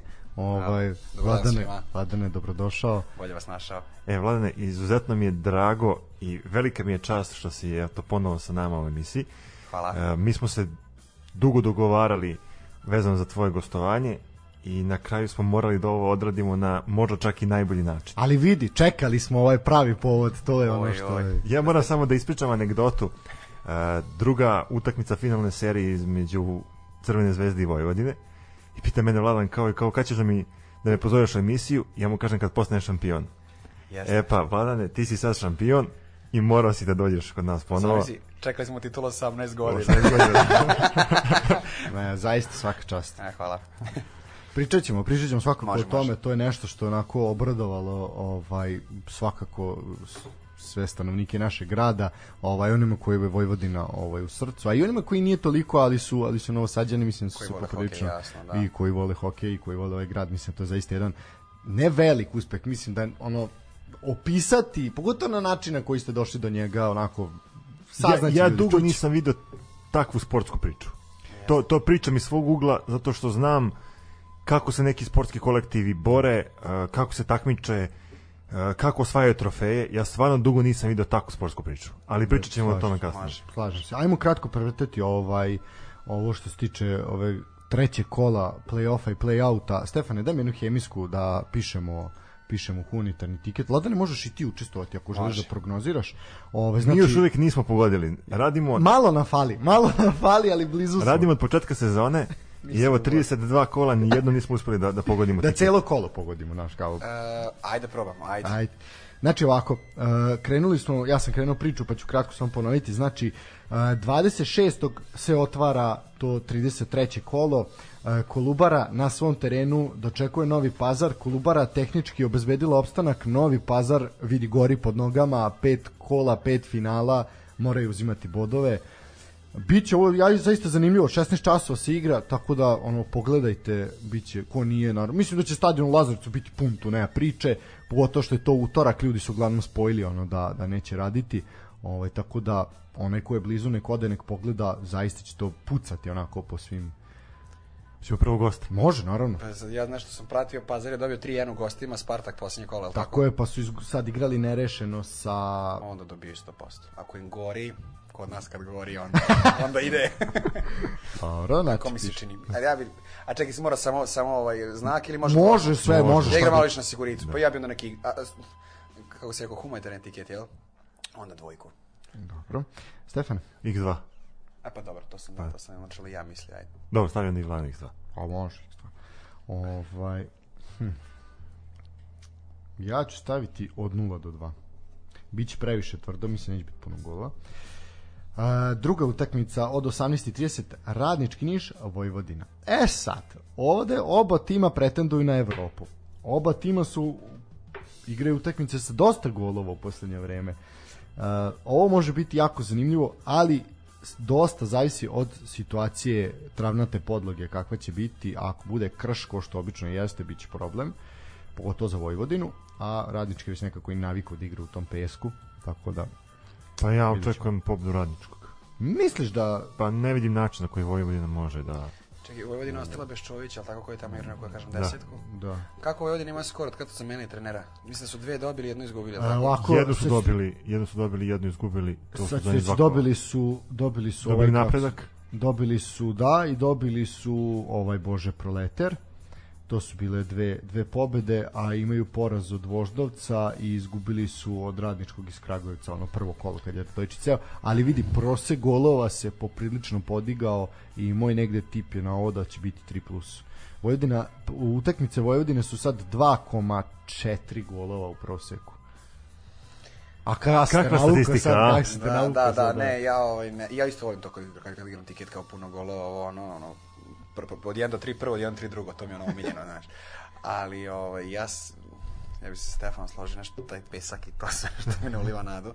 Mada i Vojvodina gura to ka, ka Evropi, oni su tu sad isto blizu. Ja, ja, ja bih rekao prvo polovreme X, može tako? Može, kako mislim, Vidi, reći ću ovako samo, znači, Voždovac je na četvrtom mestu koje vodi Evropu sa 44 boda, peti je radnički sa isti broj bodova, TSC je šesti sa isto 44 i sedma je Vojvodina s 42. Pa to Znači, mislim da svaki bod sad tu važi i ona će vjerojatno tvrda utakmica biti i da će se možda rešavati tek u drugom polovremenu. Niko neće to se nešto napadački ili uleteti, tako mislim. Dobro, dobro, zanimljiva observacija, Stefan. Pa ja sam rekao da je dvojka. Čista dvojka, dobro. Dvojka na Ono su Vojvodinu. kec, ono su kec, kec, Jedinica. kec, kec, kec, kec, kec, da, radnički. Dečko, nemoj spavati tu. Ovaj, idemo dalje. Naredna utakmica koja se igra istog dana, u istom terminu, ali Liga za bedaka, Lučan i Kragujevac. E, E, tu, Ovo tu, tu sad- ide na, na, na, na Latovića definitivno. mora, mora se ovo dobiti. Zato što mislim da... Da. Ako ovde ne pobede, nemaju šta tražiti. Mislim da mladost nije ekipa koja će da juri bodove. Pa oni su tehnički isto obezbedili opstanak. Tako da mislim, ako ovde vidi radnički mora pobedi, ukoliko ne pobedi, problem će biti. U slučaju pobede radni, ovde, onda je bukvalno duel u Subotici između Spartaka i Radničkog iz Kragujevca odlučuje, odlučuje ko opstaje. Tako da mislim da će ovde Radnički uzeti sva tri boda. Pa i ja isto negde možda, ajde da kažem x2. Nekako ne vidim, da, ne, ne, ne, ne, bih voleo da Spartak ispadne iz lige. To, to, to, toliko Da ono neko- srce me boli. Da, jeste. de- Mislim da ono, koliko sam ih ja pratio do pre, aj, kažemo, zadnjih par godina su igrali zaista neki atraktivan futbol i Jesu, imali su igrači u Evropi. Da. sredini ili više, vi- više polovine sredine terena. Neko mi ne zamislio da ne ispadnu iz lige, stvarno ne bih voleo. Ali, ovaj, ne znam, to, ja kažem, ja volim Lalatovića i taj neki njegov futbol i neku njegovu dinamiku i svega. Valjda to biti crveni u petom minutu, pa onda igraju sami, ali ajde ja kao nešto radnički x2 bi ja rekao, recimo. Dobro. To je što se tiče utorka. U sredu 27. od 14 časova e, dan otvaraju na stadionu na Partizan i TSC. Kec, nema tu šta. Kako je sad igra sad za vikend? E, je, e, 4-0 su izgubili od Zvezde na svom terenu. Aj, oj. I sad opet gostuju. Ne, aha, ovo su su- Da, gosto, ali Pa- idu timovi, možda igraju protiv timova koji su Da. superiorni njih. A, e, Vidi, ja bih rekao go go, ali ne znam kako TSC stoji sa formom, koliko su golova dali zadnjih par utakmica, ali ja neki oni znam da igraju nešto atraktivno, ne, ne zamislimo da oni igraju dve utakmice bez gola. Nisu, nije im se skoro desilo. Ovaj, ovako, znači imali su 4-0 poraz od Zvezde, pa su 3-2 su dobili Čukarički na Banovom brdu, pa su 2-1 dobili Voždovac, pa su izgubili od Partizana 2-0 na Partizanu stadionu, su dobili Proletar 2-1. Znači nisu vezali da je A su s Partizanom već stavili 2-0, zaključali Da. Pa ništa, onda su Cats, to su. Vidi, evo ovako, ja ću udariti kontru. Ja ovde stavljam x2. Ja mislim da će TSC, što mi pogleda, ja mislim da će TSC uzeti, uzeti bodove bitne za Evropu. Pustit će stanove Lazetića. Vidi? Čekaj, ko je trener sa TSC? Nije tamo Krstajić. Lazetić, Lazetić, Aha. Žarko. Mi smo se isto plašili za Krstajića. I mi smo se, da, znaš ono kao, samo neke, ali mislim čak da je dobio sad otkaz tamo u Izraelu. Dobio je otkaz u momentu kada se je počela da se razmišlja, odnosno to je krenula na farsa između Terzića i, i Stojkovića. Piksija, da. Da. I on I kao, kao razmišljamo samo samo nemoj Krstajić se sad kao ponovo. Krstajić ponovo. Ali vidi, sad mislim da negde, ako već nije dobio otkaz u Izraelu, mislim da je blizu, jer tamo zaista onako neke katastrofe se dešavaju. Tako da, eto nama Krstajića pred svetsko prvenstvo lagano. Oj, neće, neće, neće, neće. Dobro, ajmo dalje. E, dalje od 16.05 Voždovac i napredak iz Kruševca. Ovo Voždovcu isto bitan, bitna utakmica za Evropu, pogotovo što direktni konkurent TSC ide Partizanu, mislim da ovde Voždovac uzima sva tri boda, to je moja prognoza. Isto. Slažem se. Šta? E, istog dana od 18 časova radnik na Surduličkoj bombonjeri dočekuje metalac. Metalcu gori za opstanak, radnik je u suštini manje više op osigurao ovaj opstanak, tako Ja ću da... tu dvojku. Upa. Ne, sad igram za ove klubove koji, koji nema šta da izgube. Čekaj, ovaj momak što je slomio, Vuk Mitošević što je slomio nogu, on je iz radnika, jel? On tamo igra ključnu figuru nakon zadnjeg veznog, jel? Jeste, da. Ali mislim, on je malo koji igra kontant 90 minuta, celu sezonu, svaku utakmicu. Kao pitbull. Kao Kao, pitbull. znam, znam, znam, ali sad razmišljam ako su ostali bez njega, to je neki, da kažem, neki važna uloga u timu, jel? Ovaj, Pritom, to, da je, to je klub koji nema baš da alternativu da, zamenu, da ima neku moguće zamenu. da oni do kraja stvarno budu kuburili s tom pozicijom, tako da eto, ja bi neku X2-2 odigrao, sigurno. Pogotovo što im ne znači, jel? Pa onda. Ja ću staviti gol gol. Od 18.30 istog dana Crvena zvezda dočekuje Čukarički. Moguće da će istog dana igrati i Partizan i Zvezda u Beogradu. Ovo mi je malo čudno, ovo nismo skoro imali. Dobro, zanimljivo. Crvena zvezda Čukarički 27. od 18.30. X. Ja, ja ne Jesi ti vidim. dečko duhovi danas, Ja, ja, ja šta si ti vidim jeo za nijedan X, ne vidim nijedan X do kraja sezone, ali ajde. To, to sam ja rekao isto, ali Aj kao. ne, ra- razmišljam Ti op, zaista nikom pare nećemo dati Pa ako da, ovako pa. budeš nastavio. Čekaj, Čukarički igrao, kako, oni su igrali 2-2, ne, kako je bilo? E, 3-2 su izgubili od Topole, pa su sad e, izgubili od Partizana 3-1. Da, ja bi tu stavio, Mo golovi, čisti ovo. da, da, neki možda 3 plus 4 plus go, go. Kec mi nekako jeftin, koliko možda Kec bude kvota? Može biti jedan- 1, 15, Tako, 20. Ne, bi ste go, go 4 plus, tako nešto. ono. Ovo je zanimljivo. Ja ću staviti čistih 3 plus, eto to je će biti recimo neki 1-6 recimo. Uh, 28. se igra samo jedna utakmica, a to je utakmica između Spartaka i Proletera. E sad, E, Proleter je manje više otpisan, ostali su bez kompletnog stručnog štaba, zaista se ne zna. Tu, tu stavlja i, S- Struka je popriličan sad problem u Proleteru ovih dana da nema ko da vodi, da. nemaju ni licence, baš onako svašta nešto se tu ružno dešava, nažalost, ali ovo Stefan kaže Keca, ja isto kažem Keca, vreme je da Spartak... Čekaj, jedni i drugima govori u načelu, jel? Da. U suštini, da, s tim da je Proletar poprilično u nezavitnoj poziciji, da sad više ništa ne zavisi ni od njih. Spartak već pobedom bi onako bio dosta mirniji. Ja ne bih voleo da izgubimo proletar u prvoj ligi. Ovaj. E, to smo i mi malo prepričali, znaš, ono kao na, doći, doći nekako... će drugi klub. Ima. Doći će drugi, da, Da. I da, i mislim u načelu da, ist, jest, istina. Mada ja sam kao ne bih voleo, nikad nisam otišao da gledam proletar. Kakav sam ja to Pa kažem. eto, imaš do 21. marta, imaš pri, 21. maja imaš priliku. Pa. Pa da, u principu ja isto volim i Spartak, ja volim to neki taj vojvođanski derbi. Meni je jako žao što nema kule više i to mi ono, taj to stadion sam baš baš voleo. Ovaj, ali ajde, ja bi isto možda stavio Keca ovaj, za, za, na Spartak. Mislim da je Spartaku potrebniji. Ovaj, veće su šanse da opstanu po tom smislu potrebni, jednim i drugima je potrebno. Uh, tu se tu se završava završava kolo naredno kolo će se igrati najverovatnije 1. ili 2. maja ali to ćemo svakako pričati pričati o tome uh, možemo na Cvajtu kratko što se tiče Cvajte Stefane ti si bio na derbiju na derbiju kola Ispratio sam samo prvo polovreme, nažalost, eto zbog obaveza koje smo imali taj dan, nismo uspeli da ispratimo utakmicu do kraja, što je možda i bolje, obzirom da je da je mladost izgubila na svom terenu od ekipe Java rezultatom 2-0.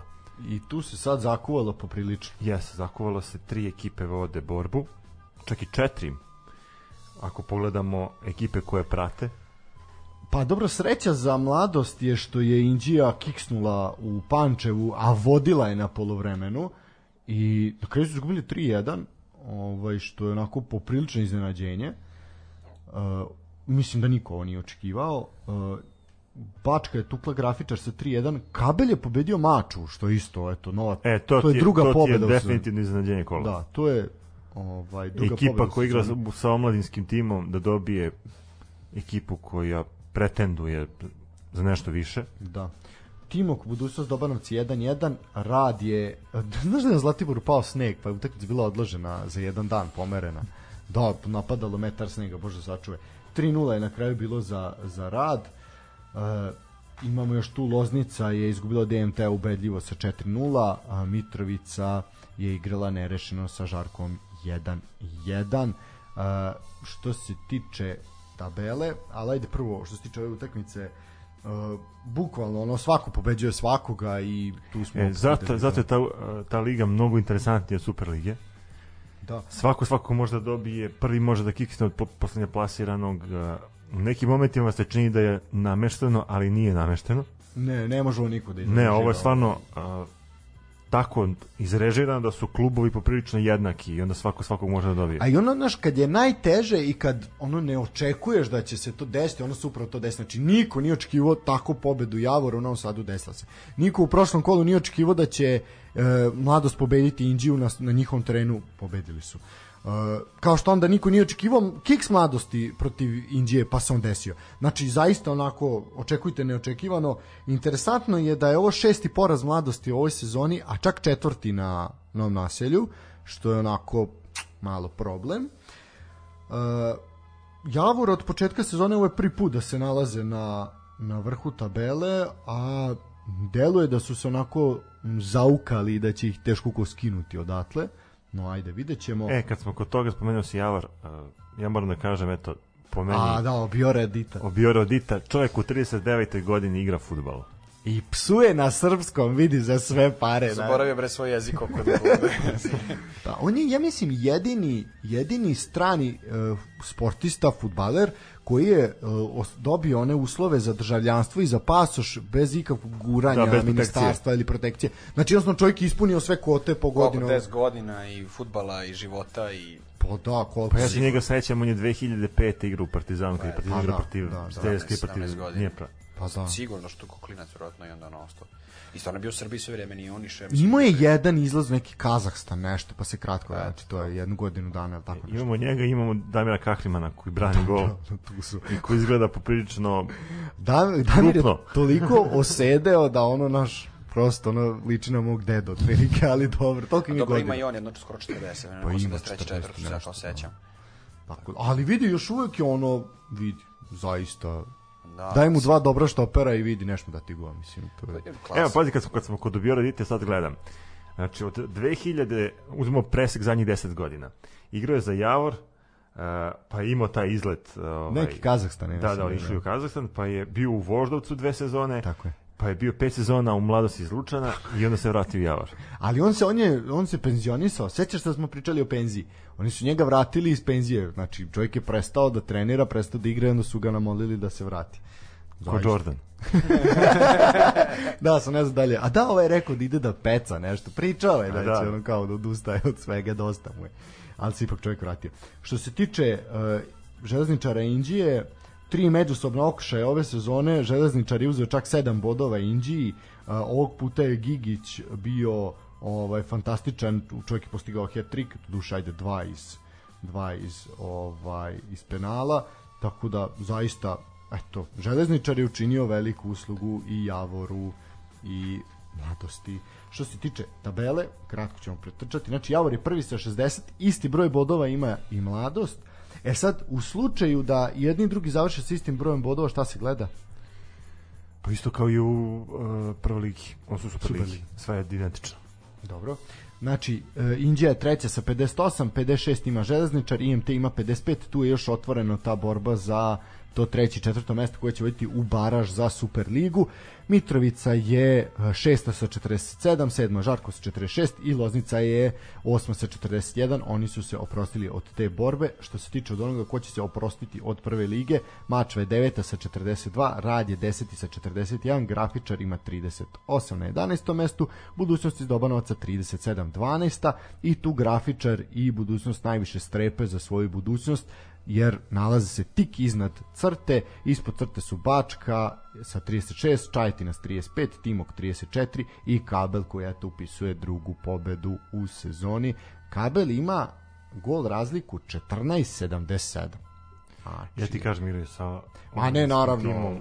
Znači, u ovo primaju je tri gola velika po- sezona za te ljude koji, koji igraju tamo. Naravno, to će se tek pokazati ako ostane ostane ekipa na okupu. Uh, dobro, možemo reći naredno kolo, u suštini igra se istog dana kada i Superliga i ovako znači grafičar Timok, budućnost Bačka, Rad dočekuje Kabel, IMT dočekuje ga, uh, bože, uh, Žarkovo, a Indija će igrati protiv Javora. Eto, tu je šansa za mladost. A mladost dočekuje železničar, tako da neće ni njima biti lako. Uh, Mitrovica dočekuje Loznicu, Mačva će dočekati Čajetinu. Sve u svemu, i ovde se ne zna ko kosi ko vodu nosi, bit će gusto do kraja. Biće, biće borbe. Biće borbe. Ništa, ćemo isto jednu pjesmicu, Može. pa ćemo pričati dalje. Može, ček da nešto da pustim.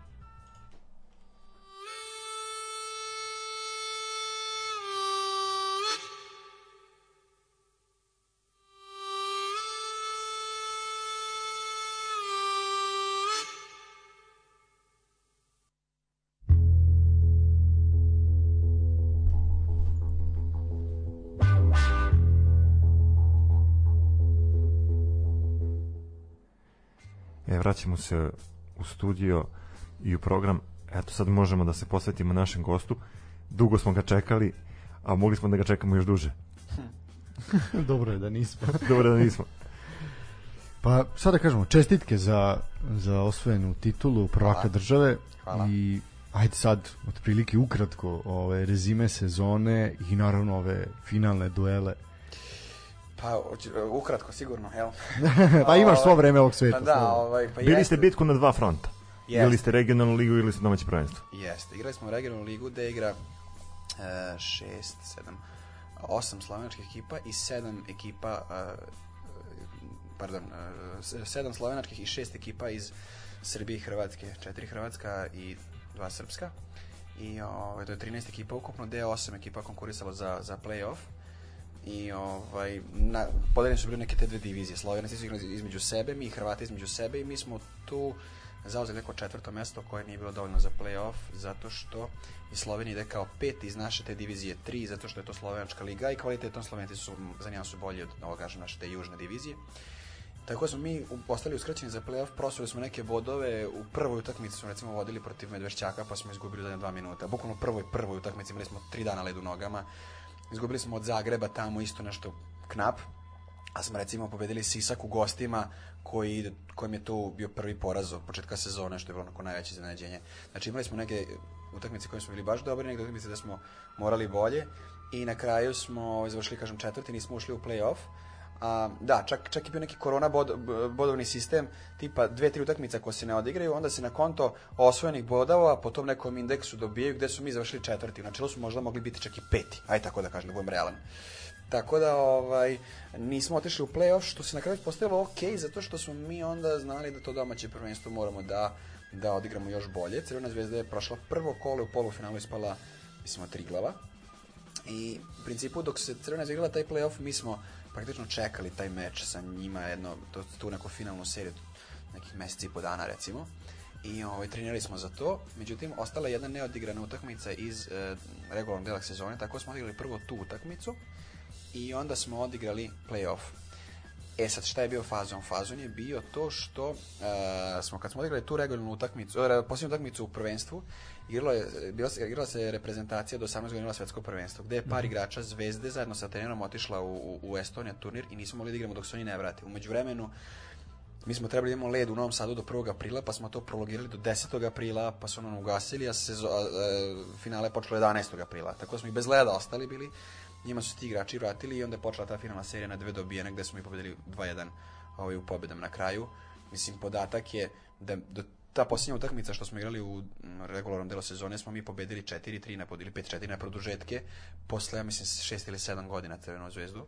I onda je došla ta finalna serija gde smo, da kažem, u tri utakmice dva puta pobedili, što onako, da kažem, veliko iznenađenje. Ja misliš da je ta utakmica presudila, kao, konačno se razbio taj Posetili ste jeste, krv. Jeste. bi Da. Da, znaš kako vidi, sad ja to gledam sad neke druge strane. Mi smo sa Crvenom zvezdom, meni je ovo prva sezona bila sam vodio prvi tim ikad u životu, do sad sam vodio de, neki, ne neki deči hokej koji se ima neke baze slične, ali dosta je primjena taktike i svega drugačije, imaš mnogo više mogućnosti da eksperimentišeš i mi smo sa Crvenom zvezdom eksperimentisali od početka sezone. Mi smo prvu utakmicu od njih izgubili u Novom Sadu 2-1. Mislim da igrački smo bili tri puta bolje. Nisu znali kako smo ih napali, šta ih je snašlo, ali su nam na neko, da kažem, iskustvo dali dva gola i zatvorili i mi posle nismo mogli ništa. Onda smo jednu utakmicu mislim izgubili 1-0, a jedno smo izgubili 6-0 i 6-1. Mislim, e, 6-0 i 6-1, to su bile dve utakmice. Gde smo mi pojačavali, znači bukvalno smo rekli, ej, ljudi, ne interesuje nas rezultat, totalno sad ne, to nevažno, gubimo 3-0, ajde damo sad sve od sebe da primimo još 3 ako treba, još 5 ako treba, onda probamo da stvorimo šanse da vidimo na, na bazi čega možemo da baziramo našu igru što se na kraju ispostavilo kao pogrešno, ali smo izgubili utakmice bez ikakvih problema da bi na kraju iz toga izvukli pouke i kroz analizu svih tih utakmica znali da budemo 100% spremni za tu finalnu seriju koja je to da kraju donala tu, tu titulu posle 18 godina. Eto, ostaje ta žal što navijači u Novom Sadu nisu imali prilike da isprate tu finalnu seriju, obzirom da se ona igrala zaista u Beogradu. Žalostno. A, koliko je to uticalo na vas kao ekipu? Kada, ja zna, sam- ja kada moram- znaš ja da moram moraš da pređeš prvo tih ono 80-90 km, pa da se onda pripremiš na, na njihovo 120 leto. dečko, ali ne veze. Da, Dobro, dobro. ceo dan prođe. Ne, ima, Ako, svega. ako uđeš u gužvu kao mi sad. ako uđeš u špic, gotovo da ti si. Ja, ovaj, koliko god hokej bio popularan, ili kažem nepopularan, mi smo, kažem, igrali ove sezone i u Sloveniji, u Hrvatskoj Dobro, i u da, Beogradu. Ja iskreno mislim da je u Novom Sadu ledena dvorana bila najpunija. Ne, ne kažem puna skroz, ali neki recimo trećina kapaciteta. Čak na početku sezone smo imali one korona mere i nije moglo, ne znam, više od pola i dokaz o vakcinaciji. Koji prosek, nije valjda da ste to zaista tražili? Ne, i, i zato što je Slovenački savez organizator celog takmičenja, onda to je bilo po tim nekim merama, ali zaista imali su korona redare koji smo, ne znam, špricaju ruke, nosiš masku, ovo, ono, pa kad uđeš možda sedneš, pa ne znam, svako treće mesto sme se Koji je prosek bio, sad ko... Pa ja ti mogu reći, u Novom Sadu je bilo jedno 400 gledalaca sigurno. Pa Bez reklame, Da, s tim što mi nismo smeli da reklamiramo, jer kada bi malo možda počeli reklamu, borili smo se što će previše ljudi na emociju da uđu, jel?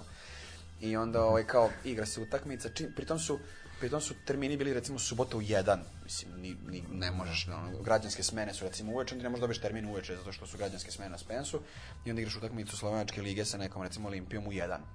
Na primjer, to je recimo jedna loša strana, ali s druge strane, recimo kad su utakmice u 8 uveče, ovi naši klinci hokejaši, to mi je već kasno, posle prve trećine mi se i prispava od spavanje, onda i ta jedan utakmica nije loša, možda kaže, može se napuni hala. Tako da, no, u Novo- Novom Sadu ta neka publika je bila najživlja, ali i ta neka publika sa sobom donosi neki svoj pritisak, jel? Odnosno da mi koji smo u načelu u ligu celu ušli kao da kažem, no kažem kao baš outsideri, ali u načelu jedina ekipa koja čiji igrači skoro nisu plaćeni, koji treniraju samo tri puta nedeljno, čija je sezona šest meseci, a svi ostali imaju 9, 10, neki 11 meseci. Prosto mi, kako kažem, krpili smo se, jel? I onda igraš pred publikom, pobediš recimo jedan Sisak koji je, koji je prvi u ligi, koji ima budžet ogroman, pobediš ih tamo, na sledeći vikend igraš u Zagrebu sa, e, u Novom Sadu sa Zagrebom koji je poslednji koji mi i onda izgubimo onako glad samo zato što je došlo malo više ljudi. Prosto nekim trenucima, trenucima smo podlegli pritisku. Tako da iz tog nekog ugla utakmice u Beogradu nisu bile loše za nas, jel? Ali bože moj, pa mislim da je najlepša stvar proslaviti titulu ispred svoje publike, Tako pred je. svojim ljudima, ali da će Bog da bude još toga, jel? A, trudite se. Hoćemo. A, dobro, sad ajde, prvaci ste države, sad šta to znači za narednu sezonu?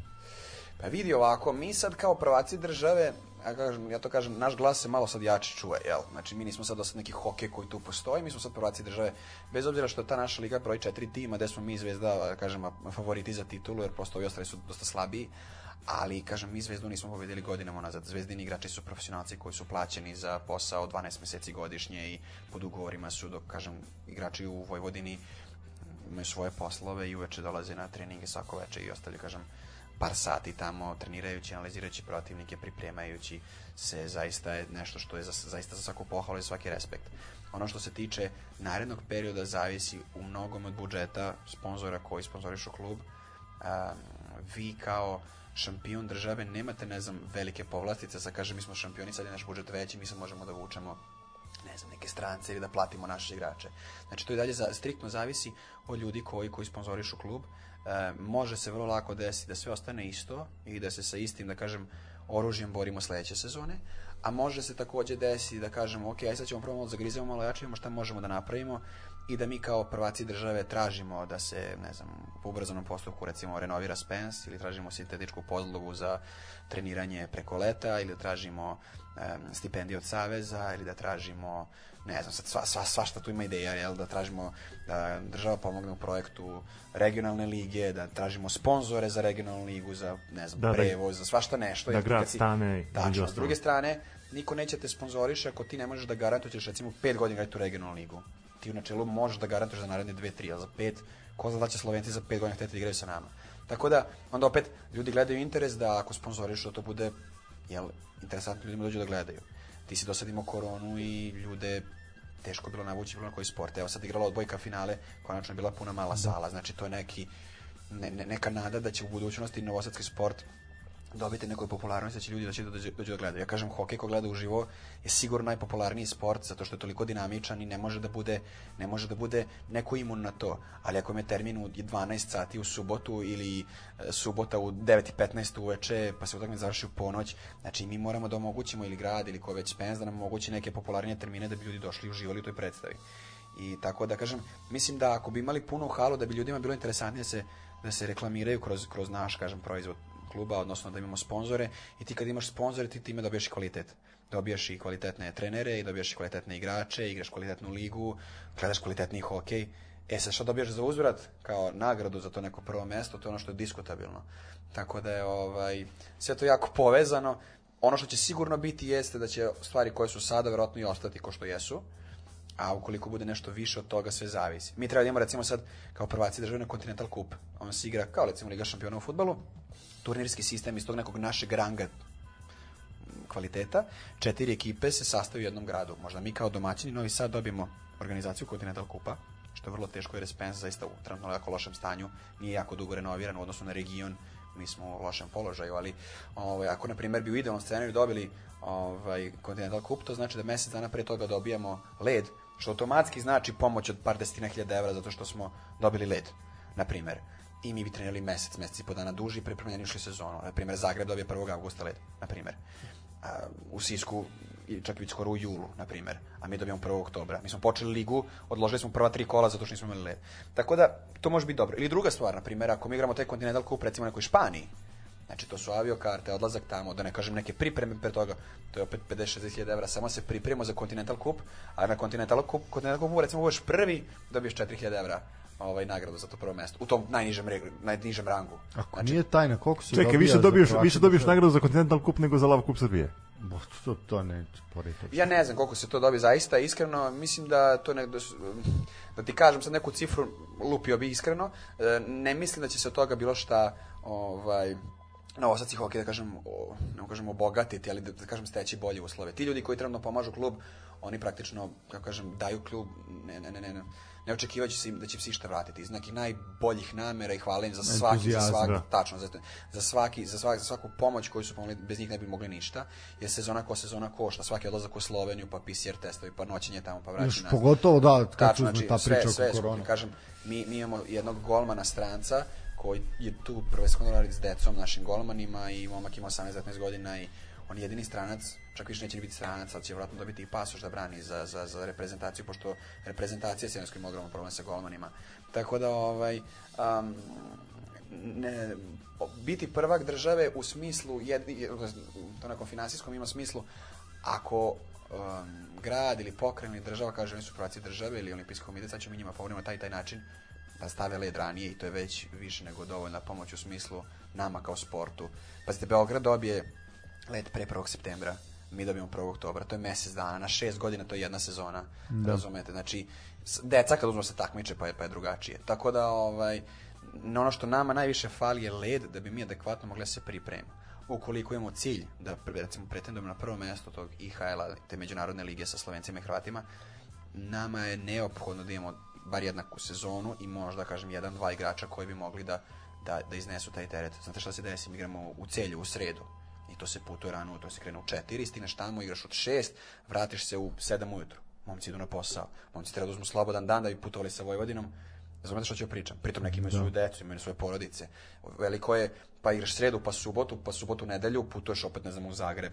E, mnogo odricanja i to, to neko ko, ko, ovaj, ko ne doživi ne može možda ni da shvati i zaista ti momci zaslužuju apsolutno svaki respekt za svaku kapicu znoja iz razloga što i to je apsolutno njihova dobra volja. Meni se desilo jedan od važnijih igrača ima firmu za, za, za ovaj prevoz neke robe i dva vozača su mu dala otkaz i on kaže ja ne mogu dignu da kraj sezone, moram dva meseca da vozim ovaj prevoz po Evropi i kao to je to.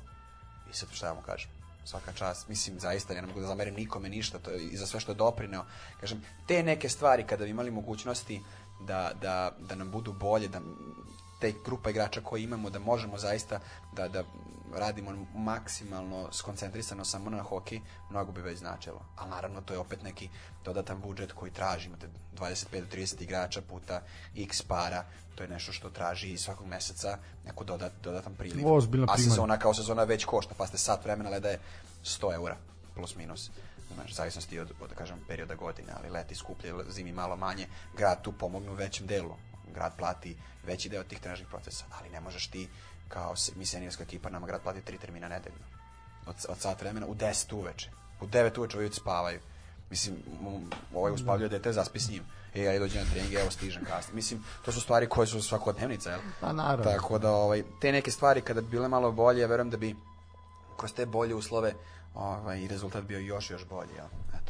Pa eto, sad se gradi bazen u Futogu, pa je bi ga zimi ćete moći da ga koristite. pa jest. Ne, ja zaista, ja zaista, ja sam čuo puno priča o, o renoviranju samog Spensa. Da, da, da, to, to se vidi to je tako neophodno, da. to je već pa priča. Pa jest, ali, ali znaš kako, to mi svi zamišljamo kao, uzme neko čarobni štapić, puf, i to Nije, se sve desi. Ne, ali vidi, evo, ajde, znaš kao, izgradila se promenada, uh, pa i Mercator i, Spensu pali onako neki zapećak. Sad se i Mercator vrati u život a Spence još uvijek stoji takav kakav jeste. Znaš, dobro, to je... to je malo drugačije. Ali, šta, ne- Spence ko Spence, ne brinem ja za njih. To je, to je centar, to neće nikad propasti u smislu da ne funkcioniše. Samo je eh, ono što Biće je... za, zapušteno, mislim, to je, to je problem. Pa veći. neće, ja mislim da neće. Treba će ima i opet malo vremena da se oporavi. Neće ni ljudi, svi ljudi idu u prome- promenadu da piju kafu. Neko baš nervira ga ta guža poda u Mercator.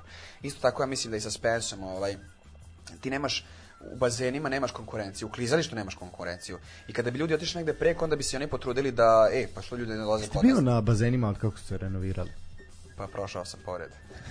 Pa i da li si primetio ikakvu razliku? Pa, ne, ne, znaš kako to kažem, ne, kako ja kažem, ne znam ko je bio u Solčenicama Spensa, tamo imaš one ove pločice, one brown sa zelenim zelenim već Da, da, da, da, da, da. bojima i svemu i jedne godine su, ne znam, neko hrvačko prvenstvo to renovirali u sve belo. I sad to belo uopšte više nije belo zato što prosto tamo je prljavština, sportisti Mhm. mm. blatovi se izvoju. I onda te žene koje rade moraju da čiste mnogo, mnogo više da bi to bilo i ole lule u redu, a ne mogu one fizičke postignu to sve i praktično jeste to na oko lepo kad je to spremno i sređeno, a kad nije spremno i sređeno izgleda onako malo bez veze, jel? Tako da verujem i to s bazenom, to je na oko sve lepo, sad koliko je to funkcionalno, A nije ništa, nije isto je ko što je bilo, razumeš, znači apsolutno tu ništa nije Evo, nešto u, Beo, u Beogradu su renovirali ledenu dvoranu, posle isto, ne znam X koliko godina. godina. I le, lepo izgleda. Ja moram Lepo da izgleda, to. da, ali i- nisi bio u sočionicama. U sočionicama je ogrom problem s kanalizacijom. I svakoj sočionici se sm- smrdi kanalizacija. Neverovatno. I sad, to je neki propust kad su to radili. I sad, eh, neki načelno je plan da u narednih recimo dve, tri godine se to opet ruši sve slačionice, da se opet napravi sve. Pritom, eh, hala ko hala zamenjena je ograda, koja košta recimo 10.000 eura. I okolo gore sve, pošto je bio plav krov, sad je beli krov. Znači, to je samo sve u načelo prefarbo. Nije stavljena izolacija, ništa je napravljeno da bude, ne znam, I mislim da su stolice valjda bile crvene, sad su plave. isti, isto je. Da. A znači kozmetička promena. Da, da, to ali nije- okej, i to prija, ali kažem, a, ako se nešto radi, bilo bi rasuli kako treba.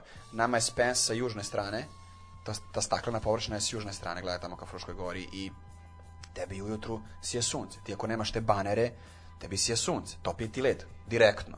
Ta- kada bi ta staklena strana bila neki dobar izo- izolator i gore krov, krov, krov je maltene samo lim. Da. Kad je, kad je napolju, kad je napolju toplo, tebi je magla u ledenu dvoranu, ne vidiš ništa.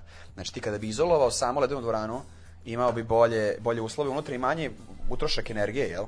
Tako da su to neke stvari koje ti ljudi koji time treba da se bave, ovaj, treba da kažem vo- vode računa ukoliko dođe do renoviranja. Kažem, ja sam sreo ljude sa FTN koji su radili procenu stanja tamo i zaista neki načelno plan jeste da postoje dva, dve ledene ploče, jedna na polju gde su oni golf tereni i druga unutra. E, to je nešto što spašava naš hokej. Da mi, kao mi klubovi hokejaški i klizački, imamo prostora da treniramo adekvatno. Ja verujem da je vaterpolo i verujem da, da, da ovaj, kako se zove, plivači, njih spašava slana bare, eto sutra taj recimo bazen u futogu i to sve. Ali bez e, neophodnih sati u trenažnom procesu, tokom cele godine. Evo, mi sad oderamo pričao sam o šest meseci koliko imamo leda. Da, da. Neophodno, ne možeš ti. Ja kažem, pričao sam to jako, jako puno puta. Zemlji da imaš vaterpolo šest meseci, istisnu ti bazen i onda ti kao dodaješ loptom i kaže, dođe bazen kao je super, ti to radiš sve rukama, ali jako loše plivaš. Tako i ovo. Mi kuburimo sa klizanjem koja je osnovna alatka u hokeju, samo zato što neku stvar koju savladamo tih šest meseci nama otope led i on tih šest meseci nam kažem stagniraš, možda čak i nazaduješ i onda dođe opet, dođe opet neki septembar, oktobar i treba da, da uđeš u neki dobar ritam, a ti već kasniš dva meseca od početka sezone. Pritom sad je stroče, skočila i struja i sve, skočilo od kad sve, ja razumem i da je to sad skuplje nego što je bilo, tako da ne znam koliko je realno očekivati da se bilo šta desi u nekom vremenskom periodu. Da, znaš, ono, kao i svaki, nažalost, ali evo, kao i svaki neki taj uspeh, znaš, ovaj, kao, umesto da bude zamejac, kao sad, onda te kao, u stvari te lupi Da, sve da, da po bude, glavi, bude vetar razumeš? u leđe za nešto bolje. Da, onda shvatiš kao, a jebote, kao ono, toliko stvari je problem da ono, kao, super je. Pa, što ja samo kažem, naš se sad glas malo jače čuje. Evo, ja sam sad došao kod vas, jutro sam bio na jutarnjem programu. To je to, RTV, da, pa bio mi. sam, bio, da, bio sam, pa onda u ponedjeljak smo par televizija, sportski žurnal, dnevnik. Sa svim ljudima pričam iskreno i zaista, kad me pitaju kao šta je sada, sad je da to sve što smo, kako smo muku mučili, da se malo jače čuje, kaže ljudi, ovi su momci šampioni države, kakva god ta država i koliko god klizalište, koliko god timova bilo, mi smo sad prvaci države posle 18 godina. Do sada je to bila Crvena zvezda njih 7 godina. Crvena zvezda ima budžet ne znam koliko veći od nas. Na manje problema, više leda, svega, bi, biranje nekih igrača mnogo lakše nego kod nas. Ali ovaj, sad smo mi prvaci države i sad kad ti to neko kažeš, to onako zvuči malo glasnije. Da li će se to rešiti ili neće? Ja ne znam da vam kažem ništa, ali mi smo napravili taj neki iskorak u smislu da, da, da smo postigli takav rezultat da, da prosto uh, i u tim teškim uslovima smo uspeli. E sad ima ljudi koji će reći, a pa kad ste mogli jednom, moći ćete i drugi put. Mislim, to je tako kod nas. Nikog nikog više to ne interesuje. Ali opet ima ljudi koji će reći, e, hajde ovi momci stvarno dolaze 10 uveče, do ponoći treniraju, daj da vidimo, da im sredimo, ne znam, dođe neka teretana, kaže, evo daćemo mesec dana džabe da se pripremete, ili dođe neki ne znam, bazeni, kaže, bit će ovo ovde, ili Spence kaže, napričamo ovako, ili uprava grada kaže, e, dođite kod nas na prijem, popijete koktel, svaka čast, čestitamo. Znači, postoje uvek neke stvari koje bi tim momcima dali neki vetar u leđa da kažu, evo, mi smo prvaci države i mi sad, ne znam, lupamo, u plavoj frajli imamo doručak svako jutro, zato što smo prvaci države. I mi reklamiramo plavu frajlu zato što stavimo na naš, na naš, naš, na primjer, dres. Ali kažem, to sve je jako usko povezano sa dolaskom ljudi na Spence. Ja se sećam, ranije, pre recimo 15 godina, Vojvodina Crvena zvezda finale, kad je Vojvodina prvi put izgubila 2005. godine, bili su navijači, bila je bakljada i tu su se kupovale karte, nije bilo više karata. Ima čak na video snimku, kako kucate, ne znam, Vojvodina Crvena zvezda hokej 2005. bila je prekinuta utakmica zbog magle, koliko su bak, bakli bilo zapaljeno. Pritom se i tad hokej igrao za istu sumu novaca, uslovi su bili da isto je relativno slični, ali svaki klub je imao, da kažem, dva, tri sponzora više nego sada i prosto ta neka diskutabilna pitanja su bila lakše izvodljiva, jel? Ovaj, u tom trenutku, jel? Isto tako, kažem, uz dva, tri neka dodatna sponzora, sve bi nam lakše bilo ovaj, i mislim da bi igrači bili još motivisaniji da, da, da, da, da su više od sebe. Vidiš ovu priču koju ti sad pričaš, nažalost, to je priča identična za sve, uslovno rečeno, manje sportove, odlično, odnosno neprofitabilnije sportove. Znači, svi to isto pričaju. Odbojka, rukomet, znaš, kao, dajte nam samo dva sponzora, kao i sve rešamo, sve problemi, pokrivamo se, razumeš, samo... A mi smo pričali one godine, računali smo koliko je potrebno jednoj vaterpolo ekipi da izgura sezonu nego smo došli da je to neka cifra od 100-200 hiljada evra. Pa, tačno, tako. Ne. Eto. I onda shvatiš da nekome to nije ništa, a onda daš nekom futbaleru tu cifru gde on ne može da ispuni najosnovnije atletske dužnosti, da, da, da istoči pa, dva da. puta teren. Znaš šta, vidi, ti kažem jednu stvar, ovaj, kako ja to sve gledam. Jer ne očekujem da će sad neki sponsor doći i kaže, evo mi vam dajemo to i to i to je to. Jer prosto svaki taj neki, taj neki, eh, ta neka firma ima neki svoj cilj zbog čega to nešto radi. Ali zaista verujem da ako bi mi igrali recimo po sezoni 30 utakmica, od tih 30 utakmica 15 u Novom Sadu, da mi prodamo 2 2.500 karata koliko je kapacitet Spence. Da karta košta ne znam 2, 3, 4, 5, sve zavisi u kom delu dobu godine ovaj, u, uh, prodamo karte. Pa na recimo na poluvremenu bacimo, ne znam, kupon za, lupiću sad, veš mašinu u Gigatronu. Pa onda dođu neka deca se reklamiraju pa bacaju kačkete. Pa recimo, imaš recimo, ne znam, gore u hodniku Spensa kupiš pak, koji košta 3 evra i sa, iz publike svi bacaju ko bude najbliži centru dobije, ne znam, tu veš mašinu u Gigatronu, na primjer. I to su neke stvari koje, nisam sad ja izmislio, to sam ja video u svetu se rade, jel? Znači, to je način gde sponsor zainteresuje publiku, neće on na, na našem dresu vidjeti iznad broja da piše, ne znam, Gigatron, neće. Ali ako tamo 50, 100, 1000 ljudi kupi pak i hoće da ga baci u centar da bi dobio neki voucher, poklon, ovo ono, e on će reći, je, taj Gigatron je tu ili sad glupam sad da ne jasno reklamiram bez veze ali firma koja ima neki interes da se ili turistička agencija ili ne, znači koja ima interes da se reklamira na jednoj hokejaškoj utakmici ali kažem to je opet usko povezano sa dolaskom ljudi na hokej danas naša svaka utakmica ima stream Mi smo igrali ono u Beogradu. Svi ljudi koji su pratili hokej, koji nisu bili u mogućnosti da dođu, su gledali uživo stream. Znači, nije da se to ne prati. Ti ranije kad odeš u neku utakmicu, to ti je što ti, nemaš načina da pratiš. Kako je bilo, sad ti možeš ispričaš kako je kako hoćeš, kako je bilo. Rezultat 5-0, mi smo bili bolji. Ovaj kad gleda stream kaže, pa ovi su vas razbili s tih 5-0. Tako da, zašto se neko ne bi reklamirao kroz taj stream? Ima to na YouTube-u, ne znam, svakih 10 minuta iskoči reklama na onih 5 sekundi, ona reklama što sama nestane. Znači, postoje ljudi koji to prate. Koliki je to obim ljudi, to je opet pitanje. Ali kažem, evo, mi smo sad prvaci države. Na primjer, sad kaže grad, evo, mi ćemo na 10 bilborda u gradu, u svakom delu grada stavimo jedan šampion države hokejaški klub. Podržite ih od septembra. Regionalni liga, Jesenice, Olimpija, Zagreb, Medvešćak. Ljudi reći, ja, Medvešćak, oni su igrali KHL pre dve godine, Rusku ligu, daj da gledamo taj Medvešćak. Bez obzira što taj Medvešćak i ovaj sad nisu isti, to je isti dres. Ko što recimo, ne znam, u Ljubljanu kad ode Crvena zvezda koja je igrala futbal 90-ih ligu šampiona, kako igra i sad ligu šampiona, ali mislim blizu su, ali prosto to je nešto što ne imaš ljudi koji pate za to Meks Jugoslavijom, koji bi došli to da gledaju, koji bi platili kartu dođu gledaju. A kažem, kada dođu da gledaju, I onda da ne manjka to neko kvaliteta i uzbuđenja. Ti imaš tamo i neke guranja i tuče i rezultatsku inicijativu. Mi smo sada prvi put posle dugo godina kompetentni da ne dođe neko olimpijana duva nas Da, da. 20-0. Nego odigraćemo neku ok utakmicu, izgubit ćemo možda malo, ali to ljudima drago dođu da gledaju. Tako To- da, eto, to to, je to je nešto način koji ja razmišljam. Sad, da li to moje što realno razmišljanje, Evo, pitanje? moje, moje jedno pitanje, pošto ono, baziram se na grad kao neko ko, ko treba da stane iznad svojih sportskih kolektiva, a, jeste dobili poziv od grada? Od nekog iz... Pa ja ne znam, sad ja sam bio, ja sam se sinoć vratio iz Sarajeva, bio sam sa decom na konturniru tri dana, ovaj, i ovo smo dogovorili još pre toga i ovo jutro što sam bio, tako da u principu još do kancelarije nisam otišao, Znam da ima neki, nekih planova da imamo prijem kod gradonačelnika i sve, čuo sam tako nešto, ne znam detalje, ali u principu bilo bi super dok je to sveže. Međutim, ono što koči sve to trenutno jeste da je sedam momaka iz našeg kluba trenutno u Beogradu na priprema za reprezentaciju i oni u nedelju putuju na Poljsku na svetsko prvenstvo. Tako da, ako bi to dogovorili, ja bi bio povrbljen toga da napravimo to kad su svi tu, odnosno kad se oni vrate, jer to je nekako mi je timski, jel? Da. Tako da, ovaj, vero, verovatno će biti kad se oni vrate iz Poljske tamo nekog 5. 6. maja. Ovaj, eto, to što, kažem, ja znam. A šta očekuješ od tog uh, prvenstva? Pa mi smo pre korone, tamo 2019. posljednji put je održano svetsko prvenstvo. Svetsko prvenstvo održava svake godine, međutim, prošle godine je bila još da kažem korona i pretpošla je bila na Umijeku, pa je sve bilo otkazano. Mi smo otišli u rang iznad i tamo smo u grupi sa mm, Poljskom, Litvanijom, Estonijom, Ukrajinom i Japanom. I to sa Ukrajinom je bilo diskutabilno šta će biti, hoće neće igrati ovo ono. Sve te zemlje su iz mnogo organizovanijih hokejaških takmičenja od nas. E, Većina njih ima profesionalce i koji zarađuju sasvim, sasvim korektne pare. Ovaj, žive izuzetno dobro od tog hokeja, tako da mislim da ne bih da budem ovaj, e, loš optimista, ali mislim da, da sve, sve, sve je uspeh ukoliko opstanemo u grupi, ukoliko ne budemo poslednji, zaista.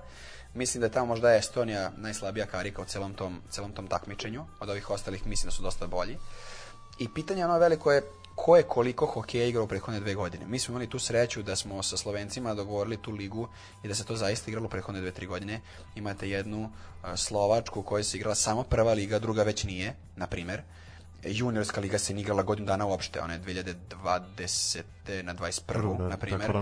Znači, ne, e, mnogo timova je preseklo svoje budžete.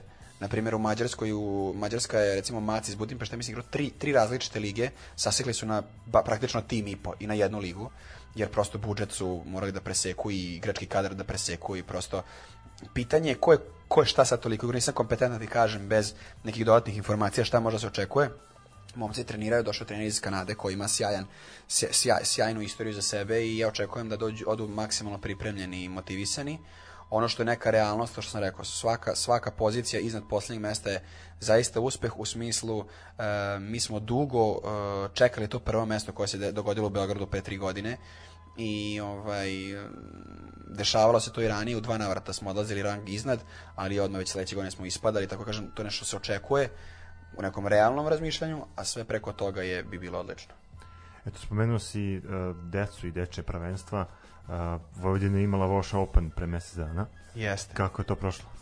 odlično imali smo joj kako mesec samo mesec dana ne što je jako daleko Pa jeste, ja mislim da je bilo Da, ja sam tu, ja sam kako sad kako sam preuzeo brigu oko prvog tima, malo sam se izvukao iz tog dečeg hokeja, ali na tom turniru sam bio neki, da kažem, organizator maltene svega, jel? Ove, bilo su, to je selekcija bila do 8 i do 11 godina. E, u jednoj selekciji smo imali š, 2 puta 8, 16, a u drugoj smo imali 18 ekipa. I to su bile ekipe iz Mađarske, e, Bosne, Bugarske, Slovenije, Hrvatske, mislim da ništa nisam zaboravio. I zaista jedno sjajno takmičenje. Ovaj, trajalo je praktično tri dana. Kažem, u te, te dve uzrasne kategorije selekcija do 8 godina, oni igraju cross ice hockey, to je na tri trećine, praktično tri utakmice istovremeno, a selekcija do 11 godina, oni su igrali half ice, odnosno na pola terena. Ispostavilo se sjajno. Cilj, cilj e, tog uzrasta i takmičenja jeste druženje, upoznavanje, stvaranje novih prijatelja, pre svega deci, a i nama saradnika za neke naredne, da kažem, turnire, utakmice, pripreme periode. Nama je mnogo važno da imamo dobru saradnju s tim ljudima, jer oni preko leta, preko leta imaju led, da nas su u goste da odemo tamo, da preko leta treniramo dok mi čekamo ovde naš led. Tako da je sjajna, sjajna bila ovaj, sjajna manifestacija koja trvala tri dana i ja se iskreno nadam da sada kada smo, da kažem, probili led sa, ti, sa tim turnirom, da ćemo svake sledeće godine moći da organizujemo ovaj, nešto slično tome kako bi deca ovaj, u Novom Sadu još više, kažem, zavolila ovaj sport i da kažem sport postao popularniji zato što mislim da na samom tom turniru je bilo jako mnogo, da kažem, gostiju, bile su i tombole, bili su i roditelji koji su prodavali kačkete, majice, pakove, mnogo gostiju koji su, koji su ne znam, turističke ture su se pravile do tvrđave za Bugare i za, i za Slovence i za Hrvate. Tako da, ovaj, sjajna jedna ideja koja nije samo hokej primaran cilj, nego prosto druženje ljudi iz regiona kroz hokejašku igru i mislim da u narednom nekom ovaj, vremenskom periodu to se može ponavljati minimum jednom godišnje, možda čak i dva put. Zašto ne, jel? Tako da, da, zašto ne? Pa u suštini ovaj lepo je ovaj da se nešto dešava i da ovaj ima nekog ono dešavanja oko svega toga i samo je zaista šteta što to naš on kao običnom čoveku baš i ne može negde, ne može da on klikne, da naiđe negde, da vidi, znaš, ako nije u tome ili ako nema nekog u tome, teško će saznati da se nešto dešava. To je malo ono... Znaš šta, vidi, sad, e, ja, mi smo to, pričali smo prošli put kad smo pričali to o Vojvodini o dečijem hokeju, kako je to sve počelo, to sve, ti sad praktično hokejaški klub ne može da se ubiješ, upišeš bez veze. Znači treba ti veza, ljudi zovu kao ja i samo moj da uđe. Jel imamo vezu? A vi sad imate. Šta je fazon? Fazon je da smo mi sada u školici hokeja, to je deca do 6, do 8 i do 10 godina, popunili e, kapacitete e, ledenih termina. Znači, naša ta školica ima treninge ponedjeljak, sreda, petak, predveče, popodne, kako koji dan i ja mislim da je procedura izlaska na led na 45 minuta, pa onda sat vremena je led i posle toga uvođenje dece na led, trenera, čunjeva, pakova, strunjača, svega. I led je toliko pun u tim primarnim terminima da ti ovaj, ne možeš da izvedeš adekvatan program razvoja zato što ima previše dece. Pazimo, bude oko stotinak, 130 klinaca na ledu, sa jedno 15-16 trenera slash instruktora i ono što je neophodno su dodatni termini. E sad, ti da dodatan termin možda kupiš u 6.30 ujutru ili u 11.15 uveče. Pa smo ovo decu 10 godina prebacili dva puta na njeno treniraju u 6.30 ujutru, pre škole, gde naravno postoji kod roditelja kako mi, zašto ne neko drugi i to sve i sad u načelu svuda u svetu je to normalno da ti treniraš jednom trenutku svog života hokej u 6 ujutru da izgradiš neki svoj karakter, da definišeš svoju ljubav prema sportu. Zaista, to je smešno. Pa, ne, pa nije ledena, smešno, ne, imaš, to je... Imaš grad od, ne znam, 500.000 stanovnika, ima jednu lednu dvoranu, na primjer, ne znam, Žilina u Slovačkoj, tamo svaka selekcija ima u jednom trenutku dana svoj trening. I to je to. Uveče od 8 imaju seniori, posle toga je amaterski, veteranski hokej, nema šta. Nema ni seniori treniraju 10 uveče. Ali, kod nas je malo nezgodno što mi imamo građanske smene od 10 ujutru i od 6 popodne koje traju praktično 2 sata i koji su u tim nekim prime terminima zauzele ovaj led, tako da mi ono što možemo da uradimo jeste da kupimo led ujutru ili kasno uveče, ne mogu da je ceo, ne znam, 5 godina treniraju 11 i 15 uveče, da, onda pomeramo ove da. starije, pa onda ove mlađe guram. Tako da, e, ja sada, kad pričamo oko otvoreno hokeju, uopšte nisam, e, nisam skeptik po pitanju popularizacije sporta,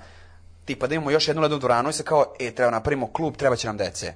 Dajte mi tri godine, napravit ćemo. To uopšte nije upitno nijednog trenutka nego je problem mi sad nemamo gde tu decu adekvatno da razvijamo jer nemamo dovoljan broj termina, ne mi, ceo Novi Sad, nema dovoljan broj termina, klizački klub isto umetničko klizanje. Uopšte nije nepopularno, nego nemaš gde da treniraš. Ja verujem da i vaterpolo i, i, i plivanje su veoma sličnom problemu, pa se sad ti kažeš pravi novi, neki novi bazen.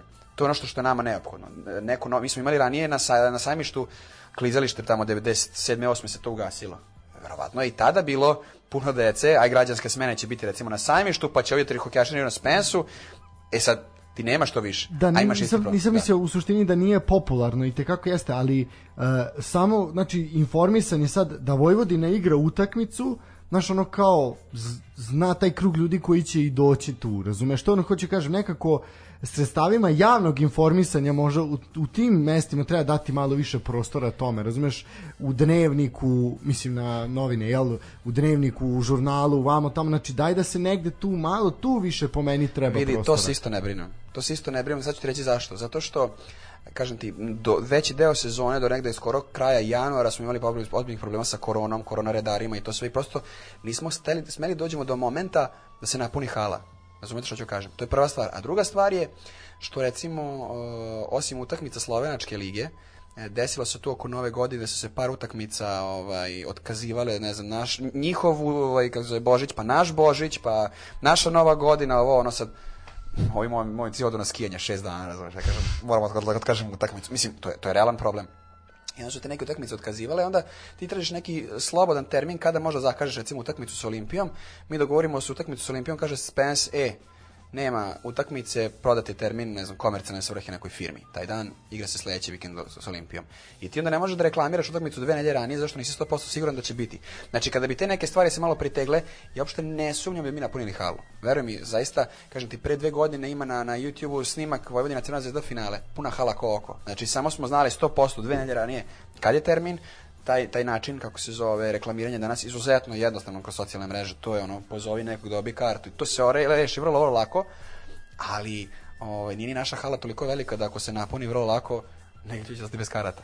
Znaš, tako da ovaj, mm, mnogo tu stvari je isprepleteno kada bi mi znali 100% kad se utakmica koja odigrava, da je taj termin neki, da kažem, relativno popularan i kada bi 100% bili sigurni da, da se to neće pomerati, mislim da je 10 dana pred utakmicu sasvim dovoljno da se utakmica reklamira. Ono što kažem isto, isto veoma važno jeste da mi ne napunimo halu pa izgubimo 20-0. Mm. Znači da tim bude kompetentan u tom takmičenju u kojem se takmiči, jer ko dođe da gleda hokej, evo imamo živi primjer, ko dođe da gleda hokej i vidi uživo to, oseti to kad pukne telo o telo, ono meso o meso, što se kaže, taj, taj udarac kad čuje, pa svako iz publike ono kao skoči u fazonu, vrati mu, vrati mu, znaš. Tako da drugačije doživlje skroz nego bilo koji drugi sport. Da, što bi jedan Moramo druga rekao. na hokej. Ne, gledaj, iš- bio sam, ja sam Ajde. gledao, nije ovaj, samo nemam ja vremena. Ne mogu sve da ispratim. Aj, ja. Ne, on ima ritual da izvuče listing i onda od- od 10 do 10 Ne, uveče gleda futbol. Znaš ti šta ja sve gledam, pa ne mogu sad. Sad sam malo se više aktivirao na rukometu, ovaj, pratim ove moje futožene i onda ovaj mislim identični su problemi, razumeš što je to. I sad su i oni ovaj isto tako entuzijazmom nekih ljudi su došli do nekih sitnih novaca, ono da čisto da ne moraju da brinu kako će otići na neku u Saintu na gostovanje Da, da, ili da. tako nešto. Ovaj i odmah si naš kao reklamiraš se na lokalnom radiju. Društvene mreže su se pokrenule vam tamo. I odmah si u prošlom kolu jebote imao 500 ljudi u hali, razumiješ? Pa jeste, kako I onda ti takvu, to što ti kažeš, i onda tu utakmicu dobiješ u posljednjih 5 sekundi golom jedan razlike da cela hala eksplodira i ti isti ljudi će ti doći i još će povesti nekog za ruku. Tačno. I tu onda kreće lavina koja se, koja se ne može zaustaviti. Ali definitivno da je hokej, znaš kao, kad god sam, i pogotovo znaš kad sa ljudima koji ne prate sport tako kao mi, naši ono ko, koga manje više to i ne zanima nešto i sve, ako hoćeš da ga, najlakše ćeš ga zainteresovati realno za hokej i za rukomet jer su najdinamičniji. Futbal je okej, ima tu lepotu, ali u suštini je sporo, znaš. Jeste. E, u poređenju s ovim i dugo se čeka da se nešto desi, a po koji postoji mogućnost da se ništa ni ne desi. Ili košarka puno prekida, odbojka opet nije kontaktni sport. Znaš, to je jebi ga, ono, sad prebacujemo s preko mrežice, to ono, možemo i u dvorištu, ovaj, sad, sad god se batina, ovaj, ali u suštini, ako hoćeš nekoga ko ne prati sport da zainteresuješ za isti, definitivno izbor broj jedan, hokej, po meni rukomet, pa onda možemo se... A znaš šta je tu još jedna jako, jako bitna stvar? Imaš ljudi koji su, um, sad na primer, kako bi ti to objasnio slikovito, na primer za hokej, konkretno i rukomet, tu su sad dva primjera koji su je, slažem se, dinamični, kontaktni, kažeš udarac se čuje, sve onako, da, da čovek doživi neki, neki adrenalin da mu skoči u publici, apsolutno se slažem. Ali šta može da se desi? ti u rukometu, recimo sad na primjer neki pogreš igrač, neki srednji bek da loš pas, ispadne mu lopta, svako će u, u sebi pomisliti ili možda naglas reći, a kako mu je to dao, ili kako, kako ne vidi tu loptu, ili gde je gledao, znaš. A hokej to neće reći, zato što će reći, čekaj, pa ja ne znam da klizam, čekaj, pa ja ne znam da držim ovaj štab. Neka, brate, dobro si ti to dodao. Znaš, ti da u hokeju, da bi postao hokejaš, ogroman proces potreban. S druge strane, ja kažem, kada kod ljudi koji skaču, skaču iz padura. Neko nikad nije pa ne može da kaže bilo šta za to. Jel? Prosto ono zahvalan si tome što možeš da gledaš i kao meni je super i da gledam, jel? U rukometu, znaš, ono, koju futbolu, ko tenisu, kakav komentarišu Đoković, kako tako u auto? Evo ti reket, brate, udari ti reket pa će pratiti loptica, jel? Tako, ovaj, mislim da, mislim da ljudi um, poistovećuju sebe sa sportistima, a mnogo, mnogo je zapravo, pogotovo u hokeju, drugačije, zato što ti možeš budeš vrhunski klizač, ali da ne vidiš igru. Možda vidiš vrhunski igrao si loš klizač. Možda budeš vrhunski šuter, paser, tehnički sa štapom, ali da si loš klizač. Ili opet vrhunski klizač, a loš sa štapom. Ili se bojiš duela. Na primjer, hokej je sport gde ti ne bi smeo da dozvoliš sebe da se bojiš duela, jer na tome se bazira sve. U svakom trenutku hokejaške igre, ti možeš dobiti udarac telom o telo. Ok, sad ta neka zero, zero tolerance uh, pravila u hokeju su malo ublažila te udarce, nije to više kao nekada, mnogo manje povreda, mnogo svega, ali dalje ne možeš da igraš sport gde se ti plaši kad ti neko priđe, da se okrećeš leđa i ne znam, dižeš ruke da zaštitiš glavu. Prosto moraš da letiš u, u, u duel. Tako da te neke stvari koje ljudi, ja verujem da, da se njima to, kažem, jako sviđa. Pritom, meni brdo ljudi kad kaže, e, gledao sam hokej na TV, brate, onaj pak ni ne vidim. Ne vidim ga ni ja, ali po pokretu, e, pokretu ovaj, igrača znam da je može biti. A uživo kad gledaš je do, puno drugačije, zato što prvo vidiš pak, drugo osjetiš i tu galamu i sve. Pritom, jedan klizač kada kliza, to, se, to je zvuk naš hu, nije ko kad trči, pa kad njih deset kliza, pa kad deset zakoči, pa kad sneg odleti u, u vazduh dva metra kad on zakoči, to je nešto što ti onako vizualno daje neki efekat wow, jel? Tako da, ovaj, ja sam skoro, mislim skoro, kod nas u klubu su isto tako nešto mame ovaj, počele da pričaju kao deci, kao klizaju brže, ovo, one su došli ideju kao, e, možda nije bilo loše da mame probaju da igraju hokej. I sad to je tako bilo prvo verbalno, dok jedna mama nije došla i rekla, mi ćemo da sve obučemo opremu i da idemo na led. Jo kao svaka čast. I ušli su taj jedan termin od 6.30 ujutru, došle su, upukle su opremu, izašle su na led, od njih recimo 20-ak, tri je odmah reklo nije ovo za mene, ćutaću do kraja života vezano za hokej. Ostale su nastavile, sad su išle u Sarajevo na neku drugarsku utakmicu sa mamama iz Sarajeva i jedna mnogo lepa stvar jeste da te neke predrasude koje su možda do tog trenutka imale vezane za hokej generalno uopšte, shvatile su čar hokejaške igre i u svemu tome podržavaju svoju decu još više nego do tada. Tako da kažem, ko proba može da shvati. Recimo na DIF-u u četvrtoj godini ima e, predmet vezano za aktivnosti u prirodi, jedan semestar su prezentacije sportova, gde između ostalog dolaze 5-6 sportova, između ostalog na hokej. I svi DIF-ovci jednom trenutku obuku opremu, uzmu štab i uzmu klizaljke ja ti kažem, dođe, dođe njih, pošto je tamo 5-6 časova za redom, ima par momaka koji dođu svih 5-6 časova. Ko je došao iz nekog manjeg mesta oko Novog Sada, nikad na hokeju nije bio, nikad nije klizo, ali mu se dopadne ta dinamika, evo ga na tribinama dođe da gleda. Tako da, ovaj, daš nekom šansu da proba, ovaj, uh, ljudi se zainteresuju. Meni se jednom nedeljno stigne poruka, mnogo voli hokej, probaj da ga igram. Gde da probam? Ne može da igraš za prvi tim, ne možeš da igraš za juniore, ne možeš da igraš za tu neku veteransku selekciju zato što nemaš iskustva. Kako neko ko hoće da proba da igra hokej, može da ga proba.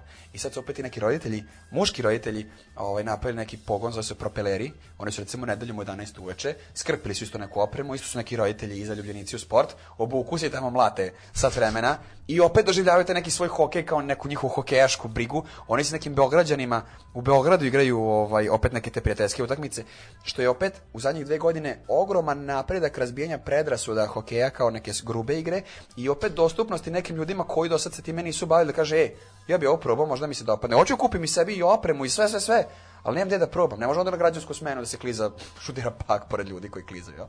Tako da, ovaj, i to je, ja mislim, mnogo važno za ljude koji, kojima se hokej dopada, da imaju mogućnost da probaju, da bi taj sport možda još više zavoleli i delovali neke druge ljude da, da, da uoče sport, pa možda ga i oni zavole. Eto.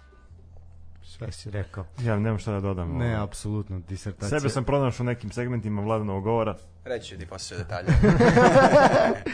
ovaj, pa definitivno je ostalo samo još, vidi, ovog čoveka kad izvedete na led, to je to. A biće, biće, biće.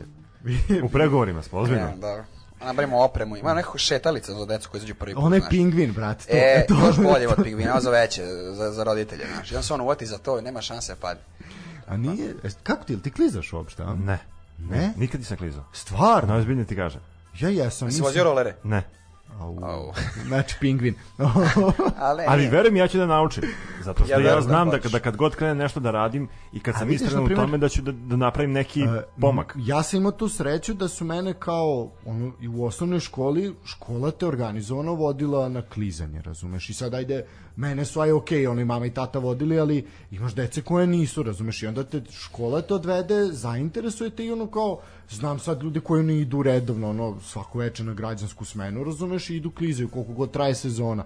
Ali, znaš, ono kao, kao dok si klinac, pa te eto to neko ovaj osnovno školsko obrazovanje usmeri ka tome i ono zainteresuje te isto tako i na plivanje razumeš ono, naučili su mnogi da plivaju na tim časovima koje je škola organizovala znaš nisu morali roditelji da plaćaju privatnog trenera drugačije je bilo da, sve. da. Ovaj, mislim, dobro, ja nisam tako mator da se to nešto davno bilo, nije, ali on Pa to da, skoro, ali, ali davno. skoro. Ali davno, da. Tako Ali da, ima, ima recimo, da, ima par škola, znam Sonja Marinković, pro, profesor Sale Filipović, što je u, u mladosti tamo trener, ja ga znam privatno ovako, on dovodi jednom nedeljno sigurno razred ili, da kažem, par razreda na klizanje decu. Znači, tokom cele sezone, ok, oni su tu fizički najbliži škola, verovatno su tu, nije im problem da dođu do petog do osmog razreda, mnogo se lakše organizuju nego recimo deca, na primjer, iz fotoga dođu. Mi smo danas, ono, to- Ali, kažem, ima, ima profesora Logistika koji, koji, da, koji, koji su stvarno prvenstveno oni vole to da to na decu prebacuju i ti klinci, ja kažem, ja mislim da iz Sonja Marinković škole najviše deca imamo hokejaša, na primjer, procentima. Tako da, to je mnogo važno. S druge strane, ogromno je pitanje e, od prvog do četvrtog razreda ko deci predaje fizičko. Da li je učiteljica ili nastavnik? Ako je nastavnik, ta se ljubav prema sportu odmah manifestuje. U prva četiri razreda, ako je učiteljica, bez da kažem nekih loših reči, ali prosto Ali učiteljica način. 90% uči, u slučaju učiteljica gleda da to skine sa... Pa jest, ajmo Ma deco lopta i to je to. Znaš, tako da ovaj, sve to malkice drugačije, ali recimo ja znam, ovaj, mi kad dogovaramo s vrtićem da dođu, ako nisu neki lokalci koji mogu da dođu peške, i ostaje ogromna čikaš logistika, autobus, pa potpisivanje, ne znam, hrpe papira, da oni dođu, presvuku se, izađu, ziđu, Tako da, i onda budu u fazonu pojedini jel, vaspitači i učiteljice kao, "Mm, neka idemo u park.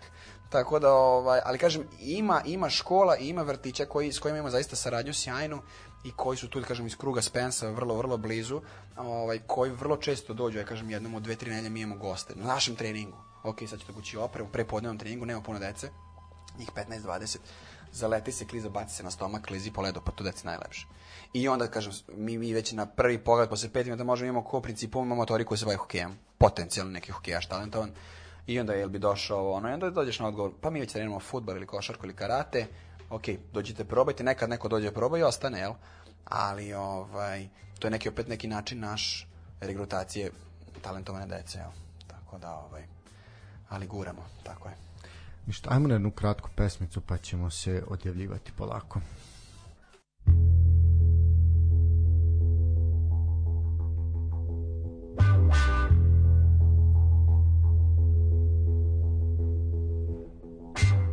Došli smo polako do kraja i taj posljednji segment naše emisije. Mi moramo da se zahvalimo Vladanu što je izdvojio vreme da dođe kod nas. Hvala vama. Da mu se zahvalimo što je na jedan reprezentativan način sa svojim ekipom učinio sve nas ponosnim da u ovoj godini možemo da kažemo da je to Novi Sad ima šampiona u hokeju. Da, ovaj stigla jedna poruka, ja moram pročitati, ovaj naš drugar je poslao, ovaj ne znam da ga imenuje, znam da će biti sramota. Kaže hokej je jedan od onih sportova gde Vaskar stiže ranije. da, pa jeste, bukvalno je tako. Ovaj, pa da, mi smo, kako kažem, kraj Marta negde, ovaj... A ne, ne, ne zbog toga, nego, Nego? zbog, nego zbog vodi čeka. Aha, je, da, pa da, i to može, da. Tako da, ovaj, ali prvo hvala vama što ste što ste me zvali, što što ja kažem ja volim da slušam vaše emisije zaista i kroz vas sam nekako počeo da pratim i domaći fudbal kojem se nadam da će biti sve bolji i bolji. O, isto tako voleo bi da vaši slušalci se možda danas zainteresuju za hokej. Svi zaista koji koji vole hokej, koji probaju da gledaju, mislim da će biti oduševljeni oni što vide, tako da ovaj neće se pokajati, eto. To je Ajde, možemo se ovako dogovoriti pošto sad imamo tu tu neku ovaj tradiciju da zaista naši slušalci nas ono verno slušaju u tome naš kao mi kažemo idite na stadion to se ceo dobro ćete se provesti. I ljudi odu razumeš i stvarno se super i provedu i sve bude tako kako smo rekli ono pošalju fotke vam tamo.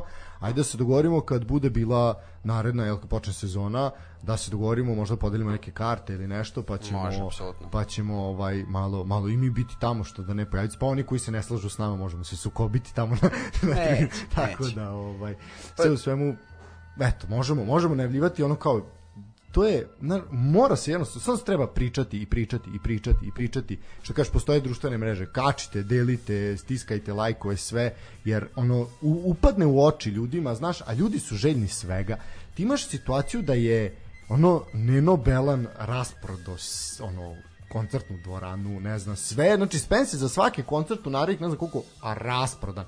Ljudi su ženi svega, kao što su ženi i sporta, kao što su ženi kulturno-umetničkih dešanja, bioskopi su puni, ono, razumeš, na svakom je dve godine se ništa nije dešavalo, mislim. Pa da, i ono, ali, mislim, vidi, dešavalo se, ali su se ljudi i plašili. Yes. Sad je ono kao naš konačno, to je to granulo je sunce, daj sad ono, daj Gledamo svega. sunce, gledamo granate vamo u Ukrajini. pa jebi ga, sad, sad, sad, dok jednom ne svane, drugom ne smrkne, jebi ga. Nama kad počne sezona neće više biti potliko sunca, to je tamo oktobar, tako da će okrenuti. A, bit će crveno nebo, razumeš, i pečurka će se Moramo vidjeti. kažemo prvo ljudima da u ledenoj dvorani uopšte nije tako hladno kako se Da, to da, to predstavlja. ljudi Pogotovo ne gore na tribinama, oni si kao ja, ne mogu hladno, pregladit ću se, kašljem već, ne mogu.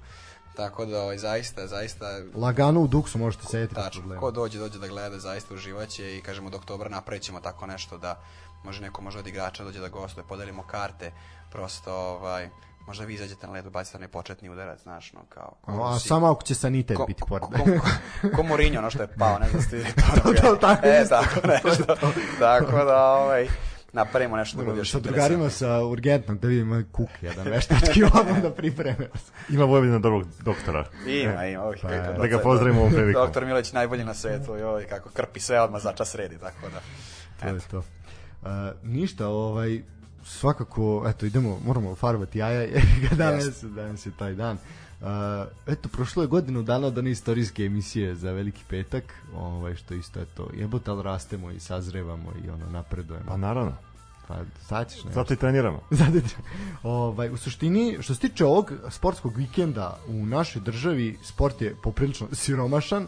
Ovaj, Kao i država, između. Nemoj smo sad rekli da sve napreduje. Nemoj sad. Ali dobro iskoristite ove praznike da ovaj malo se provozate vozom, otprilike to možete jedino i da uradite. A da nemate šta da vidite, stadioni će biti prazni. A, igra se jedino im niželigaškim ovaj rangovima takmičenja. Čak ni drugi sportovi se ne igraju, isto sve je pauza E, igra se ovaj Serbian Open. To uh, ne zanima a nikoga osim ove što igraju mislim vidio sam Đoković ne znam pobedio Kecmanović pobedio Đera ali to zaista ono nikog život ne zanima osim ono tu elitu koja je je kupila karte Čak ni Jelenu Đoković ne zanima. Vidio sam sliku da se slikala sa ovim a, gurovom. nije valjda bila a jebote znači to, to, to sam teo da preskočim ali vidi jedan je Mohanđi možemo pričati šta ćemo ali ovog ne priznajemo samo Tako da, ovo, je- ovo je lažni guru. lažni guru. Ništa, ljudi, gledajte formulu ovaj vikend, eto to možemo najavljujemo, ovaj zaista odličnu trku u Imoli, MotoGP dolazi u Evropu, tako da eto za ljubitelje ovaj dvotočkaša i četvorotočkaša možete to ispreti VRC u Hrvatskoj eto baš na pravoslavni uskrs da li je to neka provokacija ili ne vidjet ćemo. Ali eto ovaj mada naš stručni konsultant za VRC je rekao da očekuje da će biti poprilično izletanje jer kaže da staza nije dobro pripremljena. Pozdrav za Danila s njim ćemo to najvjerojatnije prokomentarisati o nekim narednim epizodama. U suštini šta da kažem farbajte jaja u nedelju nemojte preterati da žuč ne proradi. To je Ništa, to. evo, na- Vladane, tebi svakako hvala. hvala još Hvala jednom. vama, Hvala i naravno ovaj čestitke još jedan put i nema šta, odbrana trofeja, nema tu Pa sad, sad. sad se to podrazumeva. Pa, da, da, Uvijek kažu da je teže odbraniti, vidjet ćemo. Pa dobro, sad odbranite. Taj dosta je bilo Beograđanima, ajde pitu, pa ništa dati. ovaj, znaš kao, juče je bilo jedno navijanje navijača Vojvodine, ono krenuli da skandiraju mrzim Beograd i nas trojica smo se pogledali kao ono, iako ne delimo ista, ovaj, da kažemo, iste vrednosti sa njima, onda smo kao, jebote, iz ljudi u pravu, znači kao to je to, zaista ga ne podnosimo, ali samo zbog saobraćaja, sve ostalo je okej. Tako da. Ništa, to bi bilo to za A, bilo današnje specijalno uključenje sportskog pozdrava. Znači oni koji sutra, a koji su gledali postere, a koji sutra budu 10 sati uključili, pa vjerojatno će ih iznenaditi neka prijatna muzika za razliku od ove koje mi puštamo. Ako, ako ništa, shvatit će. A dobro, forica, forica. Nema, nema sportskog pozdrava na veliku subotu. Tako je. Ništa, to bi bilo to za današnje uključenje. Do sledećeg slušanja, sportski pozdrav.